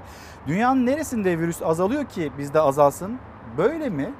Dünyanın herhangi bir coğrafyasında virüsün azaldığını görmüyor muyuz? Azalan ülkeler var. Yani şu anda e, dünyada vaka artışı hızlı sürüyor. Evet, dünyanın bazı bölgelerinde özellikle Amerika kıtasında, Amerika Birleşik Devletleri, Brezilya, e, Meksika bu üç ülke en fazla vakanın ve ölümün olduğu e, ülkeler. Avrupa'nın bazı ülkelerinde vaka sayıları ciddi düzeyde düşmüş durumda. Bazı ülkeler onlu sayılara düştü günlük vaka sayısı açısından. Tedbir varsa sonuç da var. Tedbirler e, bir şekilde etkisini gösteriyor. Ancak genel olarak aslında yavaş yavaş da olsa bazı ülkelerde bir yükselme ve hareketlenmeden söz etmek mümkün. Örneğin Güney Kore biliyorsunuz tekrar bir vaka sayısında artış oldu ama şu anda 300'lerdeler.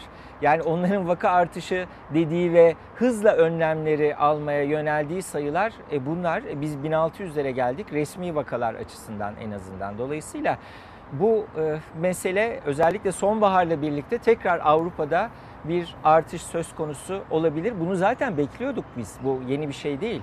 Çünkü sonbaharla birlikte ve özellikle grip sezonunun başlamasıyla birlikte artış bekliyorduk. Bu nedenle yazı bizim bu kadar yüksek düzeyde geçirmemiz çok çok endişe verici. Yani büyük bir fırsatı kaçırdık aslında. Kesinlikle bir yani 2 Haziran'dı sanırım 786 idi vaka sayımız. Yani biz onun altına düşemedik. Eğer bu düzeyi burada devam ettirip daha da aşağıya düşebilseydik bugün çok daha farklı şeyler konuşuyor olacaktık. Ee, belki de Halil Bey yazmıştı o, o mesajı dünyanın neresinde virüs azalıyor ki bizde azalsın diye. Belki bir umutsuzluğu anlatmaya çalışıyor. Ee, Ankara ile ilgili çarşamba riskli kırmızı, perşembe risksiz, bugün yine kırmızı olan e, Çankaya, Çankaya'nın Kuzgun bölgesi neye inanacağımızı şaşırdık demekte. Kaan Bey artık hepimizin yakınlarına kadar geldi. Tehlikenin farkında mısınız?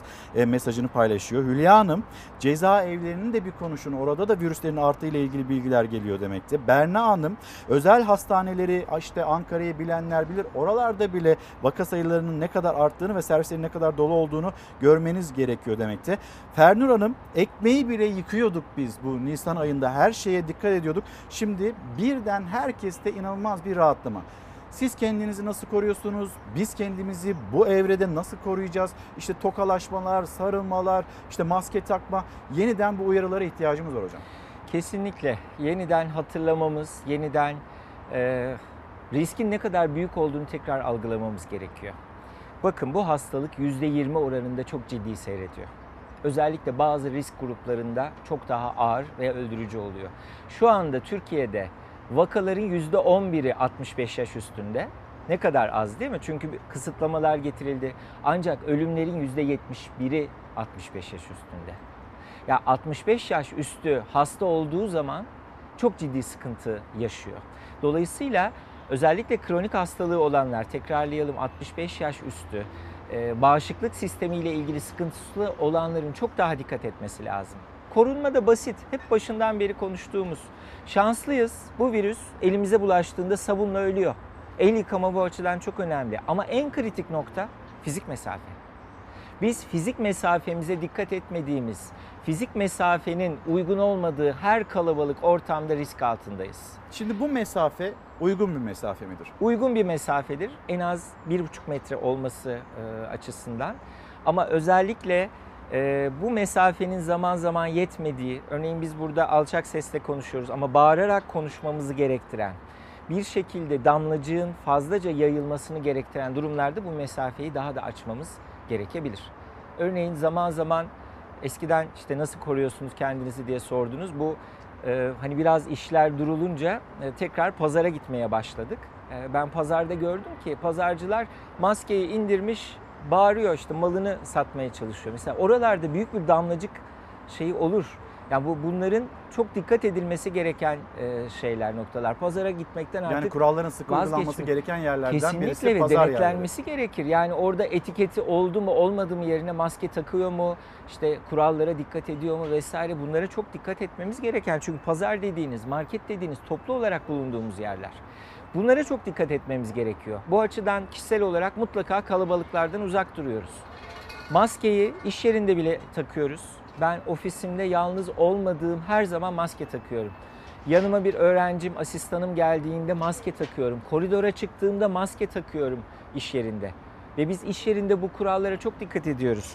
Yanımda yedek maske taşıyorum. Maske nemlendiği anda yedek maskeyle değiştiriyorum. Atık maskeyi de bu torbaya koyuyorum. Başka yere bulaşmasın, şey yapmasın diye. Gün sonunda da bunu kapaklı bir çöp torbasına atıyorum. Her akşam evde doldurduğum küçük bir kolonya şişem var. Ellerimi sık sık özellikle sık dokunulan yerlere dokundukça kolonya ile güzelce siliyorum. ve sabunla bol bol ellerimi yıkıyorum. Bunun dışında rutin temizliğe dikkat etmek, kapalı mekanları bol bol temiz havayla havalandırmak. Hocam geçen sefer yayın yaptığımızda saçlarınız uzundu. Evet. Şimdi biraz kısalmış. Kuaförlere gidiyor musunuz? Berbere gidiyor musunuz? Ne yapıyorsunuz? Şöyle söyleyeyim ben 6 aydır berbere gitmiyorum. Evde hallediyoruz bu işleri. Nasıl? Ee, evde işte makineyle yakınlarımızdan aldığımız bir tıraş makinesiyle ara ara hallediyoruz. Sağ olsun e, yetenekli bir e, baldızım var. Eşim de fena değil bu konuda. Onlar saçlarımı hallediyorlar. Hani berberlerde alınmasın sakın. Onlar kesinlikle çok iyi önlemler alıyorlar ama berber gibi yani işte şoförler de bu açıdan çok fazla insanla teması olan kişiler risk altında. O kapanma döneminde ben buna alıştım. Hani evde halletmeye alıştım. Bu açılma döneminde de devam ediyoruz. Şimdi çok fazla kişiyle teması olanlar, onlar risk altında e, dediniz. Şimdi e, Binali Yıldırım, eşi Semiha Hanım kendilerine de geçmiş olsun diyelim. E, yapılan testlerin sonucunda e, Covid oldukları ortaya çıktı. Sosyal medya üzerinden e, duyurdu. Aynı zamanda en son Erzincan'daydı bir rafting böyle bir görüntü vermişlerdi. O rafting botunun içinde olan Devlet Demiryolları'nın eski genel müdürü Süleyman Karaman kendisinde çıktı. Türkiye Büyük Millet Meclisi'nde e, Covid olan milletvekili sayısı ona yükseldi. İşte bakıyorsunuz yine meclis çalışanları var, yine e, mecliste çalışan gazeteciler var sürekli ve çemberin daraldığını görüyoruz. Bununla ilgili bir haberimiz var. Hem bir yandan da geçmiş olsun mesajımızı da iletmiş olalım. Haberimizi paylaşalım geri dönelim. Vücut kırgınlığı nedeniyle bu sabah Semiha Hanım'la birlikte Ankara Şehir Hastanesi'ne başvurduk. Yapılan tetkikler sonucu COVID-19 testimizin sonucu pozitif çıkmıştır. Daha iki gün önce Erzincan Karasu Nehri'nde rafting yaparken görüntü vermişti Binali Yıldırım. Kendisinin ve eşinin Covid-19 testinin pozitif çıktığını duyurdu. Eski Başbakan ve AK Parti İzmir Milletvekili Binali Yıldırım memleketi Erzincan'daydı. Rafting yaptı. Bir bota 7 kişiyle birlikte bindi. Kimi zaman maskeliydi, kimi zaman maskesiz. Bu görüntülerden 2 gün sonra vücut kırgınlığı şikayetiyle hastaneye gitti. Korona testi yapıldı Binali Yıldırım'a da eşine de. Testleri pozitif çıktı. Yıldırım çiftinin evde karantinaya girmeden önce hastaneden çıkışlarına dair anı Sağlık Bakanı Fahrettin Koca paylaştı. Durumumuz iyi. Herhangi bir olumsuzluk yok. Doktorlarımız süreci evde geçirmemizi uygun gördüler. Koronavirüs testi pozitif çıkan kıymetli dostum, dava arkadaşım Binali Yıldırım'la eşi Semiha Yıldırım hanımefendiye ailecek geçmiş olsun dileklerimizi iletiyor. En kısa sürede sağlıklarına kavuşmalarını temenni ediyoruz. Rabbimden tüm hastalarımıza acil şifalar diliyorum. Sayın Binali Yıldırım'a ve değerli eşi Semiha Yıldırım Hanım'a geçmiş olsun diyor. Acil şifalar diliyorum. Rafting etkinliği gerçekleştirdik. Müthiş, heyecan verici bir şey. Binali Yıldırım Bey ve kıymetli eşi Semiha Hanım'a acil şifalar diliyorum. Bu süreci en kısa sürede atlatacaklarına inanıyorum. Dualarımız sizinle. CHP lideri Kemal Kılıçdaroğlu da Binali Yıldırım'ı arayarak geçmiş olsun dileklerini iletti. Binali Yıldırım ve eşinin tedavisi evde sürecek. Deva Partisi lideri Ali Babacan'ın tedavisi ise hastanede devam ediyor. Rize'nin keyif çaylarından onlara ikram edin. Cumhurbaşkanımız da son derece bir hassasiyet ve gayret içinde olduğunu hepimiz biliyoruz. Bizim vatandaş olarak özellikle maskesiz dışarıda olmamamız, mesafe ve temizliğe de aşırı özen göstermemiz gerektiğinin altını bir kere daha çizmek istiyorum. Önlemleri bıraktılar. Suçlu kim? Vatandaş. Sen izin veriyorsun. Cumhurbaşkanı Erdoğan'ın Giresun'da yaptığı mitingde koronavirüs gündeminin önemli parçası. Sağlık Bakanı Fahrettin Koca'ya soruldu mesafesiz miting. Topu vatandaşa attı. Maske, mesafe ve hijyen noktasında Sayın Cumhurbaşkanımız da son derece hassasiyet ve gayret için olduğunu hepimiz biliyoruz. Sağlık Bakanı'nın bir saygınlığı vardı. Kendi saygınlığını törpüledi büyük ölçüde. AK Parti sözcüsü Ömer Çelik olağanüstü durumda oluşan fiili durum derken Sağlık Bakanı Giresun'da mitingde yaşanan görüntüler için kurallar yer yer ihlal ediliyor diyerek vatandaşı uyardı. CHP lideri Kılıçdaroğlu ise açıklanan koronavirüs tablosunun gerçek rakamları yansıtmadığını söyledi. Bir devlet vatandaşına yalan söylemez. Bilgi veriyorsanız çarpıtmayacaksınız. Verilen rakamlar konusunda herkesin endişesi var. Cahit Hocam şimdi Ayfer Hanım göndermiş. Bir de böyle bir durum var. Diyor ki Ankara'dan yazıyorum. Maalesef korona pozitif olduğumuz için ailemle evde karantina altındayız. Pandemi başından beri çok dikkat ettiğimiz kurallara uyduğumuz halde hasta olduk. Yani bu nasıl mümkün oluyor? Bir anlık temasla mı oluyor? Ya da e, nasıl oluyor bu? Şimdi bunu ayırt etmek çok zor. Neden çok zor? Virüsün nereden, kimden, nasıl, hangi yolla size bulaştığını çok ayırt edemezsiniz. Çünkü o belirtiler genelde risk olarak şöyle kabul edilir. Belirtiler ortaya çıktığı andan iki gün önce içerisinde bulaştırıcılık başlıyor. Hatta e, Sağlık Bakanlığı ya da dünyada da böyle temaslı izlemi dediğimiz bir şey var. Yani korona pozitif bir kişi kimlerle temas etmiş? Biz onu bulmaya çalışıyoruz ve karantina altına alıyoruz onları ki olası bir virüs bulaşını engellemek için. Zaten toplumsal bulaşıcılığı kırmanın tek yolu da bu. En önemli yolu bu daha doğrusu. Dolayısıyla o belirtiler ortaya çıkmadan iki gün önce e, hani o süreç içerisinde bu virüsün bulaştırıcılığı da ortalama 5 gün olarak kabul ediliyor. Siz nerelere gittiniz, kimlerle temas ettiniz ya da sizden önce virüsün bulaştığı bir yüzeye mi temas ettiniz de oradan ağzınıza gözünüze mi gittiniz bunu ayırt etmek çok zor. Ama şunu söyleyebiliriz. Özellikle maskesiz temaslarda anlık temaslarla bile bir hapşırma, bir öksürme ile bile eğer kişi virüs saçıyorsa bulaş söz konusu olabilir. Ama özellikle 15 dakikadan uzun temasların çok riskli olduğunu unutmayalım. Bir de e, ben sıkıldım diyen karantinadan çıkanlar var. O ayrı mesele. O apayrı bir mesele. Sayın Sağlık Bakanı e, açıkladı geçtiğimiz gün e, açıklamasında 153 bin kişinin izolasyona uymadığını söyledi. İzolasyon şu demek. Kişi virüs taşıyor. Biz onu evde ya da hastanede izolasyona yani yalıtıma alıyoruz, tedavisini veriyoruz. Virüsü taşıdığı gün. halde evet 14 gün. Niye 14 gün? Çünkü bu virüsün yayılma özelliği 14 güne kadar uzayabiliyor. Ortalama 5-7 gün bulaştırıcılığı ama 14 güne kadar uzayabiliyor. Şimdi siz korona olduğunuz halde, virüsü taşıdığınız halde evde kalmanız gerekirken buna uymuyorsunuz ve dışarıda dolaşıyorsunuz. Bu gerçekten çok büyük sorumsuzluk. Bir hem büyük bir sorumsuzluk hem de aslında bizim biraz denetim yetersizliğimizin de olduğunu gösteren önemli bir ipucu. Bir de e, tabii bugün Türkiye genelinde kapsamlı bir denetim var. Haber vererek denetim yapmak ne kadar etkili, ne kadar başarılı olur? İkisinin de yeri ayrıdır. Haberli denetimin de yeri ayrıdır. Habersiz denetimin de yeri ayrıdır. Ama haberli denetimler konusunda hep böyle gidersek, habersiz denetim yapmazsak insanlar zaten bugün haber alırsam ben ona göre mekanımı da düzenlerim, önlemlerimi de alıyormuş gibi gösteririm. O denetimi arttırırım. Ertesi gün olduğu gibi devam ederim. Bizim asıl ihtiyacımız olan şey şu duygu. Her an denetlenebilirim. Hem bir mutlaka kurallara uymalıyım duygusu hem de ya her an denetim olabilir. Her an hasta olabilirim. Her an hasta her an olabilirim. Her an hastaneye yatabilirim. Her an nefes darlığım Kendimi gelişebilir. Kendimi yoğun bakımda bulabilirim. Kesinlikle. Dolayısıyla yani hafife alınacak bir hastalıkla karşı karşıya değiliz. Risk algımızı arttırmamız gerekiyor. Çok riskli bir durumdayız şu anda ülke olarak, yaşadığımız şehir olarak. Peki bu süreçte okulların açılması, yüzde eğitim ne kadar mümkün? Bir kısır döngüye giriyoruz bu nedenle işte. Yani şimdi yüz yüze eğitime başlayamadık. Ağustos ve Eylül itibariyle. 21 Eylül'ü hedef gösterdik. Ama 21 Eylül'de bu halde başlayabilir miyiz? Ya da başlarsak risk ne olur? Bütün bunlar e, üzerinde düşünülmesi gereken konular. Sıkıntımız da şurada. Siz gönderir misiniz? Gönderecek misiniz? E, bizim çocuğumuz yok. Yeğenlerimiz var. E, yani çocuklar açısından aslında yaş grubuna göre değişir bu sorunuz. Örneğin biz 1 Temmuz'da kreşleri açtık. Şu anda bir sürü kreş çalışıyor. E bu süreç içerisinde orada ne gibi deneyimler yaşandı? Oradan büyük bulaş haberleri duyduk mu? Duymadık aslında değil mi? Çok büyük sorunlar. Kreşlerde önlemlerini aldılar. Ve benim gördüğüm kadarıyla da o yaş grubu çocuklar da çok güzel uyum sağlamış durumdalar.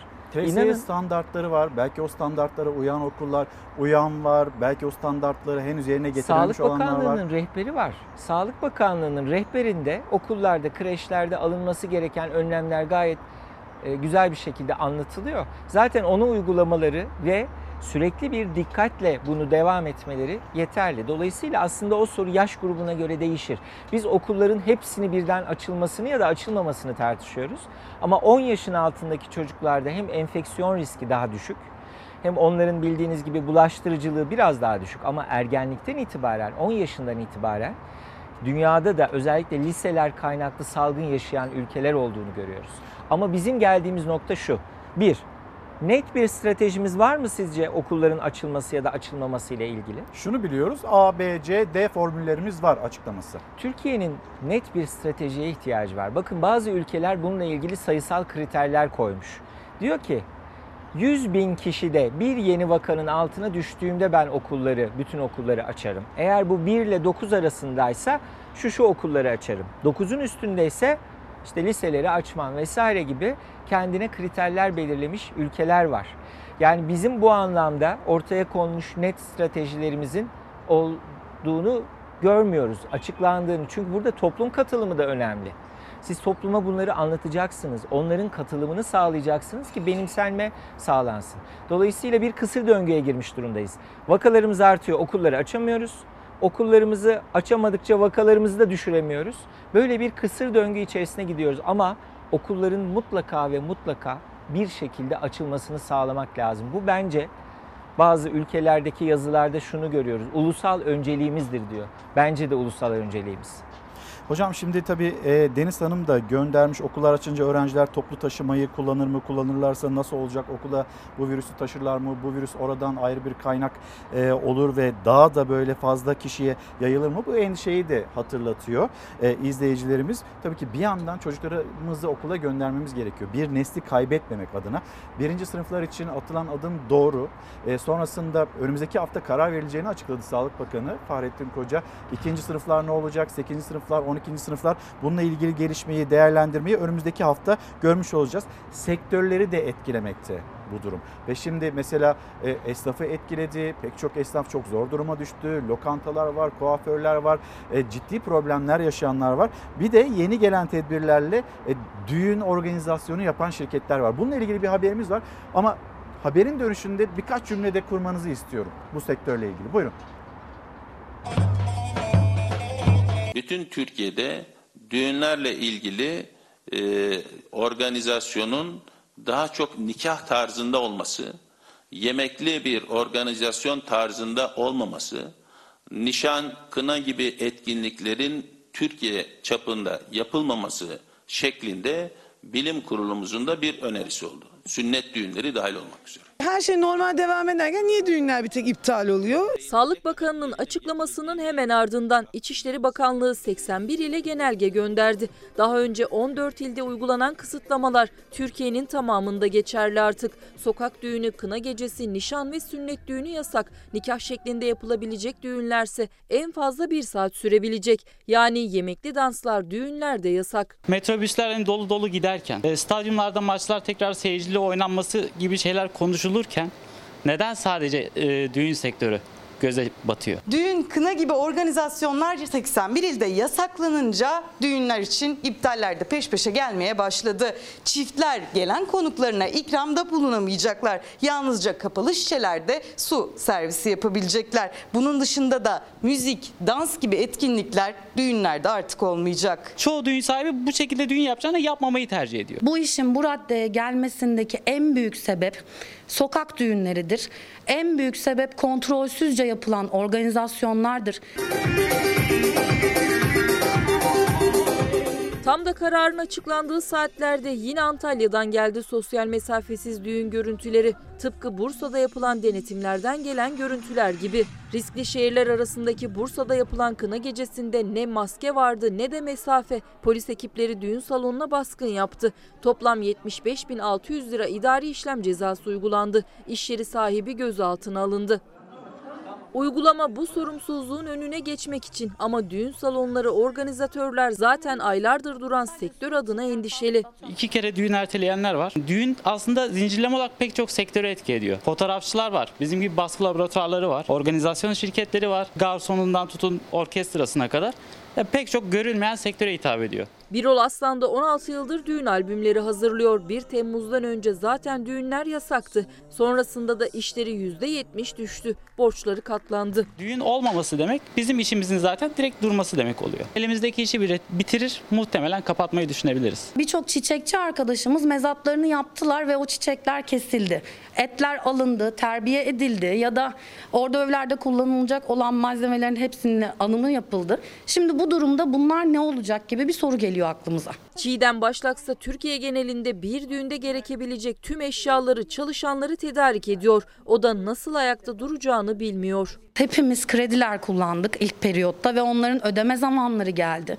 Şimdi ikinci periyotta bir de üstüne tekrardan kiralar, maaşlar ekleniyor.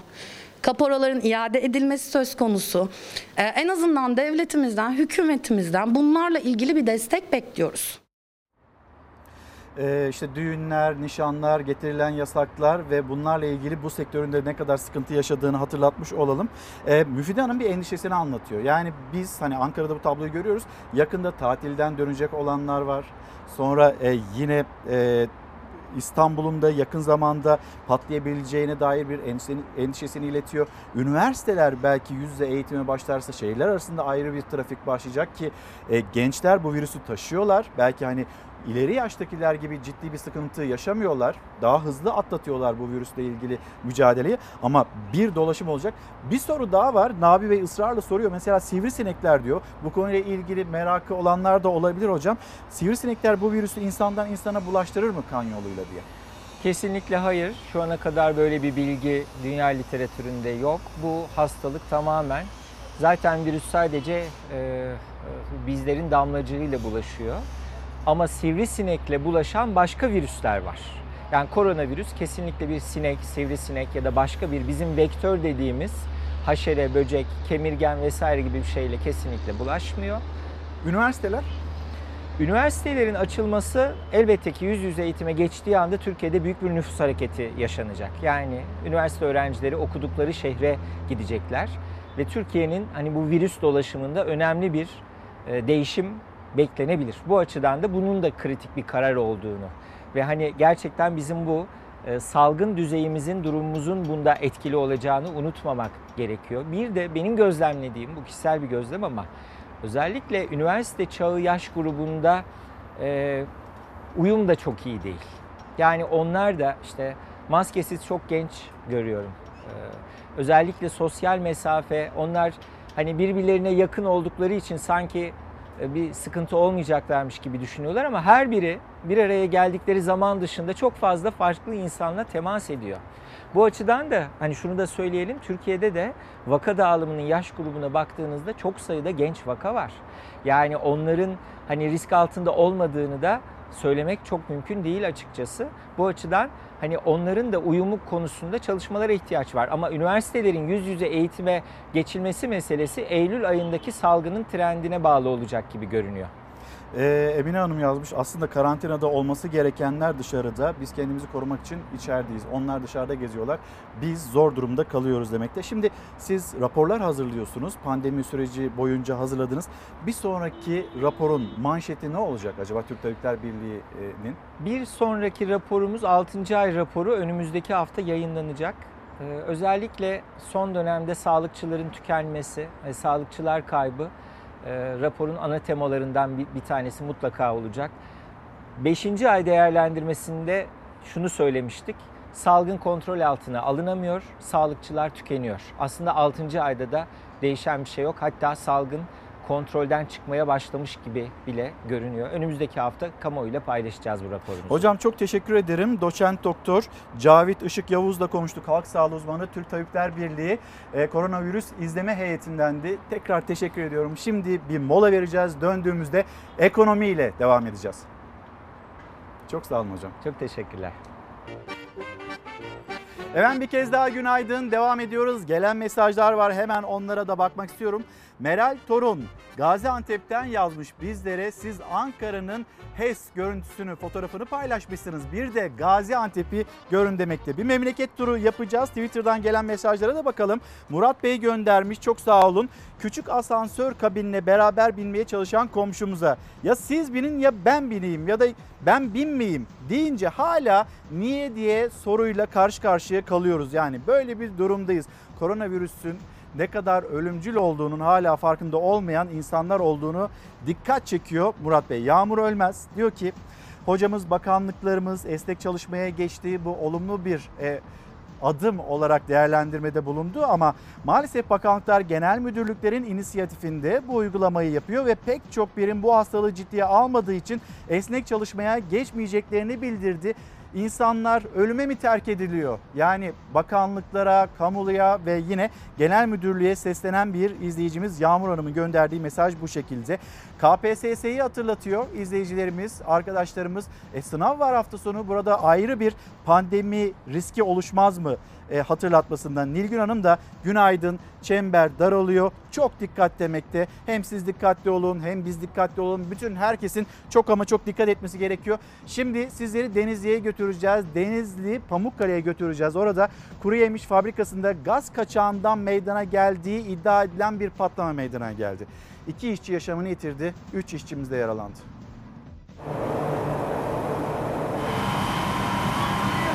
Kuru yemiş fabrikasında patlama meydana geldi. İki işçi öldü, üç işçi yaralandı.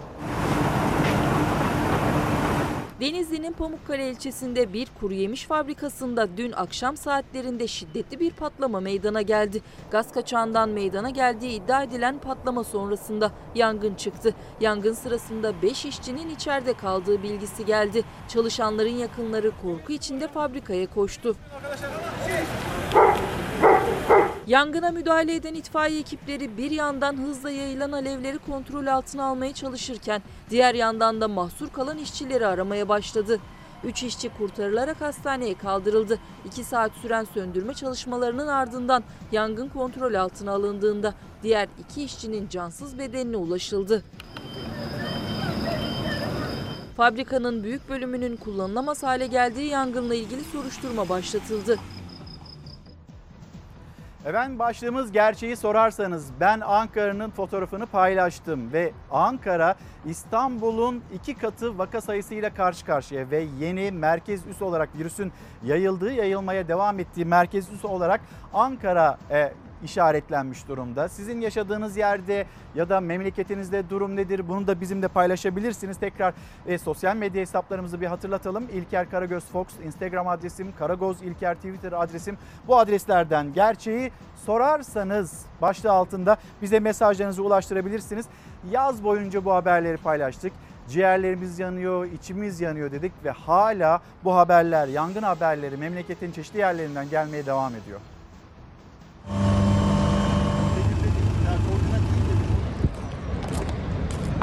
Yurdun dört bir yanından yangın haberleri geliyor her gün. Bazıları ya günlerce söndürülemiyor ya da kısa sürede hektarlarca alanı kül ediyor. Hem yeşili hem de ciğerlerimizi yakıyor. Sıcak havanın da etkisiyle orman yangınlarının sayısı artıyor. Denizli Çardak'taki onlardan biri. Hayriye Mahallesi'ndeki ormanlık alandan yükselen alevler tüm müdahalelere rağmen söndürülemedi. Yerleşim alanlarına ilerledi. 10 ev tedbir amaçlı boşaltıldı. Bölgeye takviye ekipler sevk edildi. Tarım ve Orman Bakanı Bekir Pakdemirli de bölgede inceleme yaptı. Yangının genişlememesi için karşı ateş talimatı verdi. Buraya doğru geliyor. Uşak'ta Ciğerdede köyünde çıkan yangında kontrol altına alınamayanlardan iki mahalleyi tehdit eden alevlere 4 helikopter, 30 arazöz ve 5 iş makinesiyle müdahale ediliyor. Artvin merkeze bağlı Sarıbudak köyü Boğa Boynu mevkiinde ise yıldırım düşmesi nedeniyle ormanlık alanda yangın çıktı. Köylülerin ihbarıyla söndürme çalışması başlatıldı. Bölgenin sarp coğrafi yapıya sahip olması ve araç yolunun bulunmaması nedeniyle ekipler ve köy halkı yaklaşık bir saatlik yürüyüş sonrası bölgeye ulaşabildi. Gün boyu süren yangın akşam saatlerinde söndürüldü. Hadi. Mehmet Bey günaydın. Arkadaşım ve eşi aynı semptomları göstermesine rağmen arkadaşım pozitif, eşi negatif çıktı. Bu mümkün mü diye sormakta. Bir yandan tabii testlerin standartları belki hani bugün negatif çıktı, yarın yapılsa e, o test farklı bir sonuçla karşı karşıya kalınabilir. Bilemiyorum yani işte burada defalarca konuşmaya anlatmaya çalışıyoruz uzmanları ağırlıyoruz ve pek çok soru var pek çok anlamını e, öğrenmeye çalıştığımız durum var ve bütün dünyanın ilk kez karşılaştığı bir durum ve işte sizin sorunuz da çok yerinde çok haklısınız bilemiyoruz gerçekten bilemiyoruz ama elimizde bizi koruyacak tek bir şey var o da maske ve yine mesafe ve yine hijyen kurallarına uymak. Emel Hanım günaydınlar çok sağ olun başsağlığı mesajınız için. Şimdi Bununla ilgili belki bir kez daha söylemek gerekiyor. Düğünler, nişanlar bunlarla ilgili tedbirler alınıyor. Taziyeler burada virüsün e, taziyeye gidenler ya da o, o noktalarda yine ne kadar yayıldığını görüyoruz, gözlemliyoruz. Lütfen yapmayın bunu. Yani elbette yanında, e, yanında olmak istiyorsunuz sevdiklerinizin ya da acısını hafifletmek istiyorsunuz. Fakat bu dönem öyle bir dönem değil. Lütfen gitmeyin. Taziye evlerine gitmeyin. Lütfen işte bu sokak düğünleri lütfen buralarda dikkatli olunsun. Şimdi kameralarımızı Bursa'ya çevireceğiz. Bursa'da bir fabrikadan sızdığı öne sürülen gaz ve koku nedeniyle mahalle sakinlerinin gerçekleştirmiş olduğu bir eylem. Burada bir bakalım. Koronavirüsünden dolayı zaten evlere kapanıyoruz, çıkamıyoruz. Ayrıyetten bir de bu çimentonun kokusu, kimyasal kokusundan dolayı evlere daha çok kapandık. Gece yarısı çoluk çocuk demeden kendilerini dışarı attılar. 10 kişi hastaneye kaldırıldı. 8 kişi çağrılan ambulansta tedavi edildi. Nedeni iddialarına göre evlerinin yakınlarındaki fabrikadan gelen gaz ve kokusu. Çocuklarımız dışarı çıkartamıyoruz biz. Bursa Kestel'de bir fabrikanın bacasından çıkan gaz salınımı gerçekleştiğini iddia eden mahalle sakinleri mide bulantısı, kusma ve baş ağrısı şikayetleriyle teker teker fenalaşmaya başladı. Koku giderek artınca kendilerini dışarı attılar. 10 kişinin durumu ağırlaşınca hastaneye kaldırıldı. 8 kişi ise ayakta tedavi edildi. 2 günde bir katı atık yakıldığını iddia eden mahalle sakinleri dertli. Bu akşamki olay değil. İki günde bir yakılıyor bu kadar ağır değil ama arada bu kokular geliyor. Biz rahatsız oluyoruz. Biz buraya taşındık taşınalı. Hem tozundan, pisliğinden, kamyon sesleri gece oluyor, yatamıyoruz. Kapılarımız, camlarımız sürekli kapalı. Mahalle sakinleri kapılarının önüne çıkarak eylem yaptı, imza topladı. Yetkililerden yardım bekliyorlar. Gülay Hanım günaydın. Ee, bizlere Antalya'dan yazmakta. Ben Antalya Meltem Mahallesi'nde oturuyorum. Hemen hemen her apartmanda koronalı var. Sadece apartmanlar dezenfekte ediliyor. Bu mesajı paylaşmakta. İlknur Hanım Konya'da erkek kardeşim COVID oldu. Eczane eczane dolaşıp ilacını aramış. Eve toplu taşımayla gitti. Doktora nasıl gideceksin, gideceksin denildiğinde bizim e, yapabilecek bir şeyimiz yok yanıtı verilmiş. Yani COVID hastası testi pozitif çıkmış ve toplu taşımayı kullanmaya devam ediyor ve ben nasıl gideceğim doktora benimle ilgili bir adım atacak mısınız bana yardım edecek misiniz denildiğinde yapacak bir şey yok yanıtını almış. İlknur Arıkan'ın gönderdiği mesaj bu şekilde. Şimdi e, devam edeceğiz. Daha önce maalesef bu acı haberi paylaştık. Sonrasında okul servisiyle ilgili adımlar atılması gerekliliği o gündeme geldi. İzmir Çiğli'de bir çocuğumuz okul e, servisinde unutuldu. O kreş aracında unutuldu Alperen bebeğimiz ve hayatını kaybetti. Şimdi tabii ki hiçbir anne, hiçbir baba dikkatsizlik yapmaz ama burada ciddi bir özensizlik olmuş ve e, yine ajanslar üzerinden bize ulaşan bir görüntüyü paylaşacağız. Sizleri Niğde'ye götüreceğiz. Niğde'de bir aile 1,5 yaşındaki çocuklarını hem de sıcak havada inanılmaz bir sıcak havayı yaşıyoruz şu anda. Yani 90 yılın en sıcak günlerini yaşıyoruz Eylül ayı itibariyle ve 1,5 yaşındaki çocuk hani rahatsız olmasın e, hala uyumaya devam etsin diye arabada bırakılmış. Anne babası ondan uzaklaşmış ama bu doğru bir yöntem değil. Bir kez daha hatırlatmış oldum.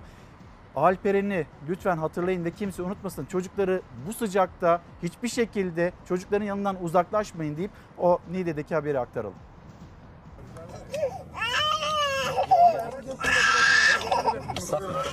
Vallahi filmli. Tamam hocam tamam tamam. Filmli olmasa kıracağım da. Sorumsuz aile bir buçuk yaşındaki çocuğu sıcak havada otomobilde kilitli bıraktı. Çevredekiler camı indirerek çocuğu kurtardı.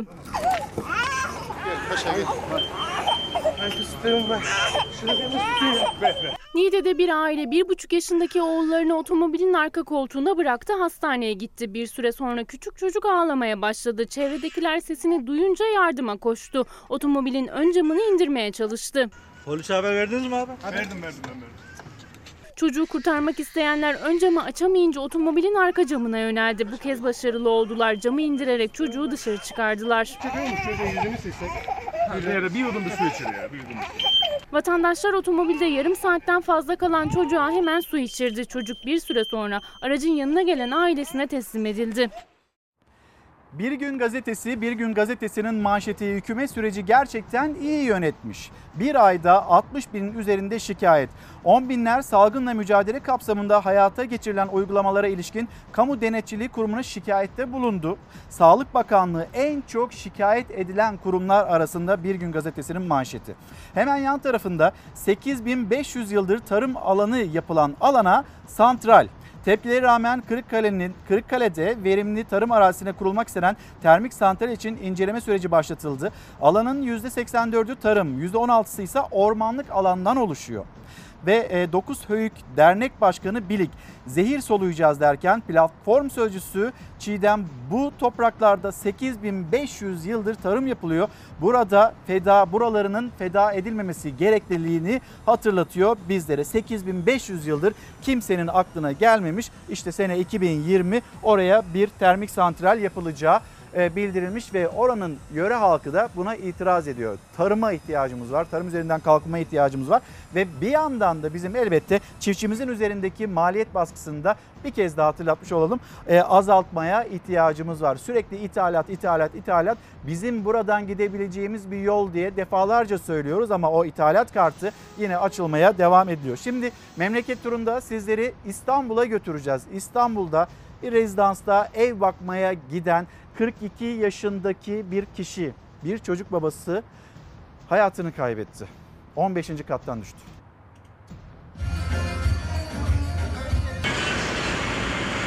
Yukarıdan cam nasıl düşebiliyor bilmiyorum ama. Herkes bu sorunun yanıtını arıyor. Yeni bir eve taşınma hayaliyle girdiği lüks siteden cenazesi çıktı Soner Elveren'in.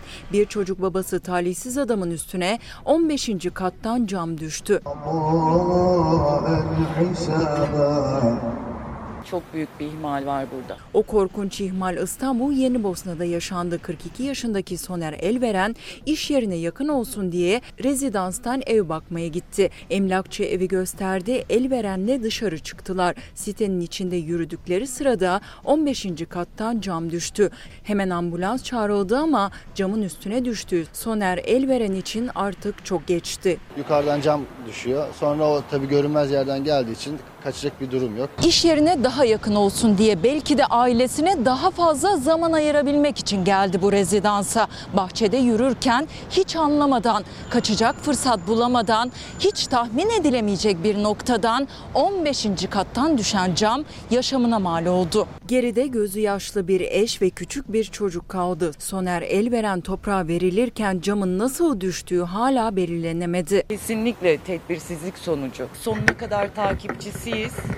Zaten soruşturmada devam etmektedir. Allah rahmet eylesin. Düzeltelim 15. kattan başına cam düştü. Asuman Hanım size de e, mutlu, sağlıklı günler diliyorum. Metrobüsler, minibüsler hep aynı. Onlara önlem alınsın demekte. Yani toplu taşıma, toplu taşıma araçları burası yine kalabalığın buluştuğu yer, kalabalığın olduğu yer koronavirüs için yayılımı için en elverişli yerler. Bizim buralardan uzak durmamız gerekiyor ve toplu taşımalarla ilgili de önlem almamız gerekiyor. Asuman Hanım'ın hatırlatmış olduğu konuyu bir kez daha bizler buradan dillendirmiş olalım ve şimdi sizleri de Şanlıurfa Eyyubiye'ye götüreceğiz. Bir ambulans beklentisi vardı. Havale geçiren bir çocuk. Ama o ambulans yetişmeyince bakın o çocuğumuz hastaneye nasıl ulaştırıldı. Ambulansı bekleyecek zaman yoktu. Çöp kamyonu şoförü gaza bastı. Havale geçiren çocuğu hastaneye yetiştirdi. Mahallede gördük çocuk havala geçiriyordu. Mecbur vatandaşın görevimizi yaptık. Şanlıurfa Eyyubiye'de yaşandı olay. Kızı havale geçiren bir anne kollarında çocuğu kendini sokağa attı. Eyyubiye Belediyesi çalışanları da o sırada sokakta çöp topluyordu. Anne ambulans bekliyordu. Ancak kızın durumu kötüydü. Çalışanlar anne ile kızını çöp kamyonuna bindirdi. Şanlıurfa Eğitim ve Araştırma Hastanesi'ne götürdüler. Kucağında kızıyla çöp kamyonundan inen anne koşarak hastanenin kapısından içeri girdi. Küçük kız tedavi altına alındı. Şef dur dur dur. dur. Asuman Hanım'ın dikkat çekmiş olduğu konu e, toplu taşımalar. Birazdan bununla ilgili bir haber paylaşacağız. Şimdi toplu taşıma buranın kalabalık olmaması gerekiyor ama diğer taraftan otobüs şoförü e, durakta bekliyorlardı çok kalabalıktı ve bu yüzden mağdur olmasınlar diye otobüse aldım. Yani bunun olmaması gerekiyor. Şimdi Evrensel Gazetesi'ne bakalım 10 vakadan biri sağlıkçı. Pandemi yönetiminde yaşanılan sıkıntılar Türkiye'de koronavirüs tablosunu ağırlaştırıyor. Bedelini ise her geçen gün artan ölümlerle vatandaşlar ve sağlıkçılar canlarıyla ödüyor. Ve yine Türk Tabipler Birliği'nin mesajını aktarmıştım sizlere. 8 günde biz 13 sağlık çalışanını kaybettik, hayatlarını kaybettiler. Bu virüsün hayatımızda e, her yerde, hemen her yerde olduğunu bilmemiz gerekiyor. Ben Ankara'yı gösterdim. Sizler kendi memleketlerinizden haber veriyorsunuz ve bugünkü başlığımızı bir kez daha söyleyelim. Gerçeği sorarsanız bu virüsün her yerde çok yaygın ve ölümcül olduğunu ve önümüzdeki aylarda, sonbaharda, e, Eylül'ün sonunda, Ekim ayında, Kasım ayında daha da hızlı bir şekilde yayılabileceğine dikkat çekiyor uzmanlar. Şimdi gelelim işte o otobüs şoförü ve orada çıkan bir kavga. Sabahın altısında kalkıyoruz. Size bu saate kadar hizmet yapıyoruz. Ondan sonra bize hakaret ediyorsunuz. Hakaret etmeye hakkınız yok. İyi tamam da sana sayı vermiş. İçişleri Bakanlığı vermiş. Ben de burada insanlar mağdur olmasın diye aldım. Yolcular sayının fazlalığından şikayet etti. Şoför otobüs bekleyenler mağdur olmasın diye aldım dedi. Otobüste fazla yolcu tartışması çıktı. Vallahi o zaman Biraz içişe o zaman taksi Yani. yolunda gidiyor. İşte insanlar İçişe doluşmayacak insanlar. Bulaşı riskinin en yüksek olduğu yerler toplu taşıma araçları. Taksim Koca Mustafa Paşa arasında sefer yapan bir otobüste cep telefonuyla kaydedildi bu görüntüler. Otobüs kalabalıktı. Yolcular şoföre tepki gösterdi. İçişleri Bakanlığı ve Cumhurbaşkanlığı kararnamesini karar verilmiş. Otobüsün şu kadar sayı olacak diye. Bekliyorsan bekle arkadaki arabayı bekle orada. Ya çok konuşma tamam be. Devam et işte. Şoförler normalde böyle demiyor yani. Ancak bazı yolculara göre zaten bütün otobüslerde durum buydu. Boş otobüs bulmak mümkün değildi. Yolcuların şoförle başlayan tartışması kendi aralarında gerginliğe dönüştü. İyi de hepsi zaten kalabalık geliyor. Neye bineceğiz biz? Bineceğiz hani? Fatma Hanım günaydın. Maske, mesafe, hijyen kadar insanların maske ve eldivenlerini yere atmamaya dikkat etmesi de çok önemli. Az önce burada e, ağırladık Cavit e, Işık Yavuz doçent doktor. Ben işte maskem eğer böyle ıslanırsa, nemlenirse onu alıyorum. Yanımdaki yedek maskeyi kullanıyorum. Sonrasında da bir poşetin içine diğer o kirlenmiş olduğunu düşündüğüm maskeyi koyuyorum demekte.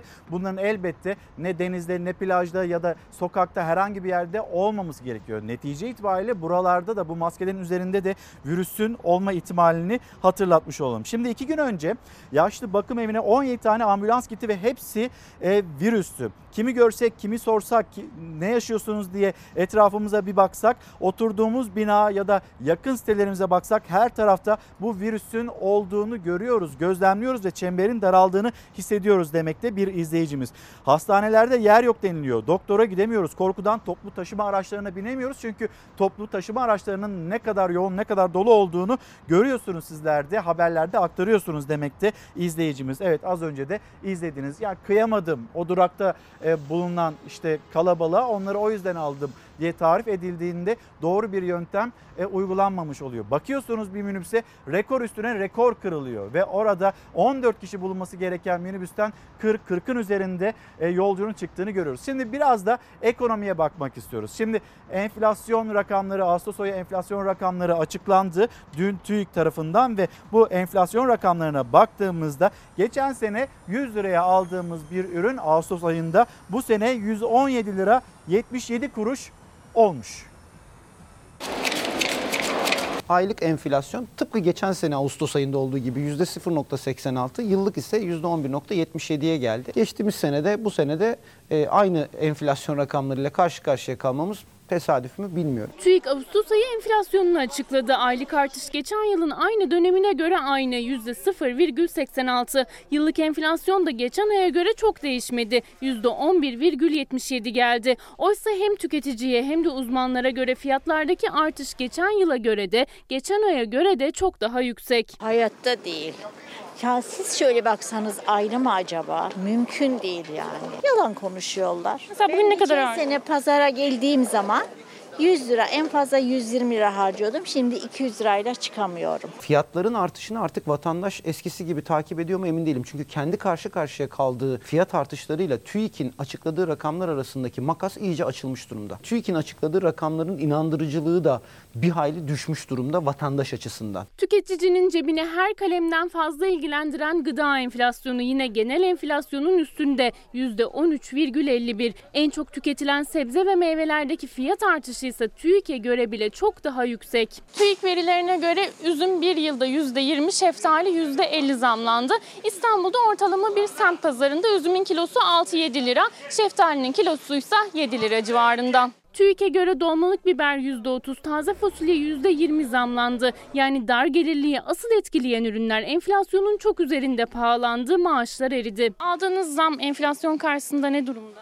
Tabii ki düşük, tabii ki düşük. Tabii ki eridi. Şu anda da zam isteyemiyoruz. Ona da yüzümüz yok. İşlerimiz biraz durgun. Ben lastik işiyle uğraşıyorum. Mecburiyet böyle devam ediyor. Asgari ücretli sene başından bu yana %7,29 enflasyonla muhatap. Yıl başında aldığı zamla 2324 lira olan maaşı 167 lira erimiş durumda. Daha bundan 2 ay önce %5,75 zam alan memur emeklisi %1,45'ini çoktan kaybetmiş durumdalar. Koronavirüs döneminde birçok çalışan ücretsiz izne çıkartıldı. Devletin ücretsiz izin ödeneği ise günlük 39 lira. O da enflasyon karşısında 5 lira eridi. O günden bugüne o 40 liranın satın alma gücünün de %5'lerde 6'larda eridiğini biliyoruz. 40 liranın o günkü değeriyle koruyabilmemiz için bugün 44 lira 45 lira ödememiz gereken bir kitle var. Ancak hala 40 liraya talim ediyorlar.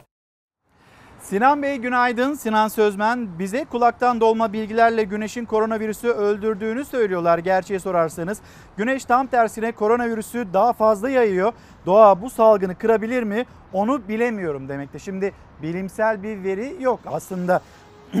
özür dilerim. Yani güneşin bu virüsü daha fazla yaymış olduğuna dair ama hani güneş, güzel hava insanlarda ayrı bir rehavete neden oldu diyecek olursanız orasının kesin olduğunu söyleyebilirim ama güneş nedeniyle daha fazla yayılıyor demek şu anda bilimsel bir gerçeklikle bağdaşmıyor.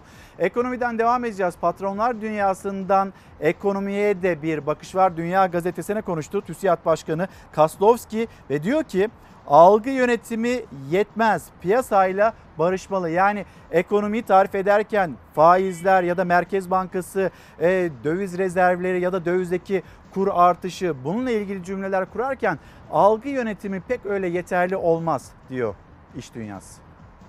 Ne faizi raydan çıktı ne kuru raydan çıktı, ne ödeme dengesi raydan çıktı. Her şey daha olumlu gittiği bir çerçevede daha güçlü bir yere doğru gidiyor. Önümüzdeki yıl zorlu geçecek. Sadece algı yönetimiyle ekonomik başarı olmaz. Patronlar dünyasının zirvesindeki isim TÜSİAD Başkanı Simone Kaslovski, ekonomi yönetiminin çizdiği olumlu tablonun aksine önemli uyarılar yaptı. 2021 yılı da zorlu geçecek dedi. Bugün kur çıkar, yarın iner. Yarın çıkar, öbür gün iner. Dolarla mı maaş alıyorsunuz? Hayır. Dolar borcunuz mu var? Yok. Dolarla bir işiniz var mı? Türkiye ekonomisi son 3 yıldır büyüyemiyor. Sürekli borç geri ödüyoruz. Dünya gazetesine konuştu Kaslovski. Gündeminde %9.9'luk küçülme de vardı. Kurlardaki hareketlilik, faizler, borçlar, güven bunalımı da. Normalleşmenin başlamasıyla sanayide güçlü bir toparlanma yaşandı. Ama esas olan bunun sürdürülebilirliği dedi. Artık parasal ve mali genişlemeyle büyümeye devam edilemeyeceğinin altını çizdi. Kurdaki artışın kontrol altına alınması, borcun çevrilebilmesi için önemli. Döviz rezervinde erimenin durdurulması lazım. Rekabetin kurlu olmayacağına dikkat çekti. Kalite ve verimlilik vurgusuyla sözü algı yönetimine getirdi.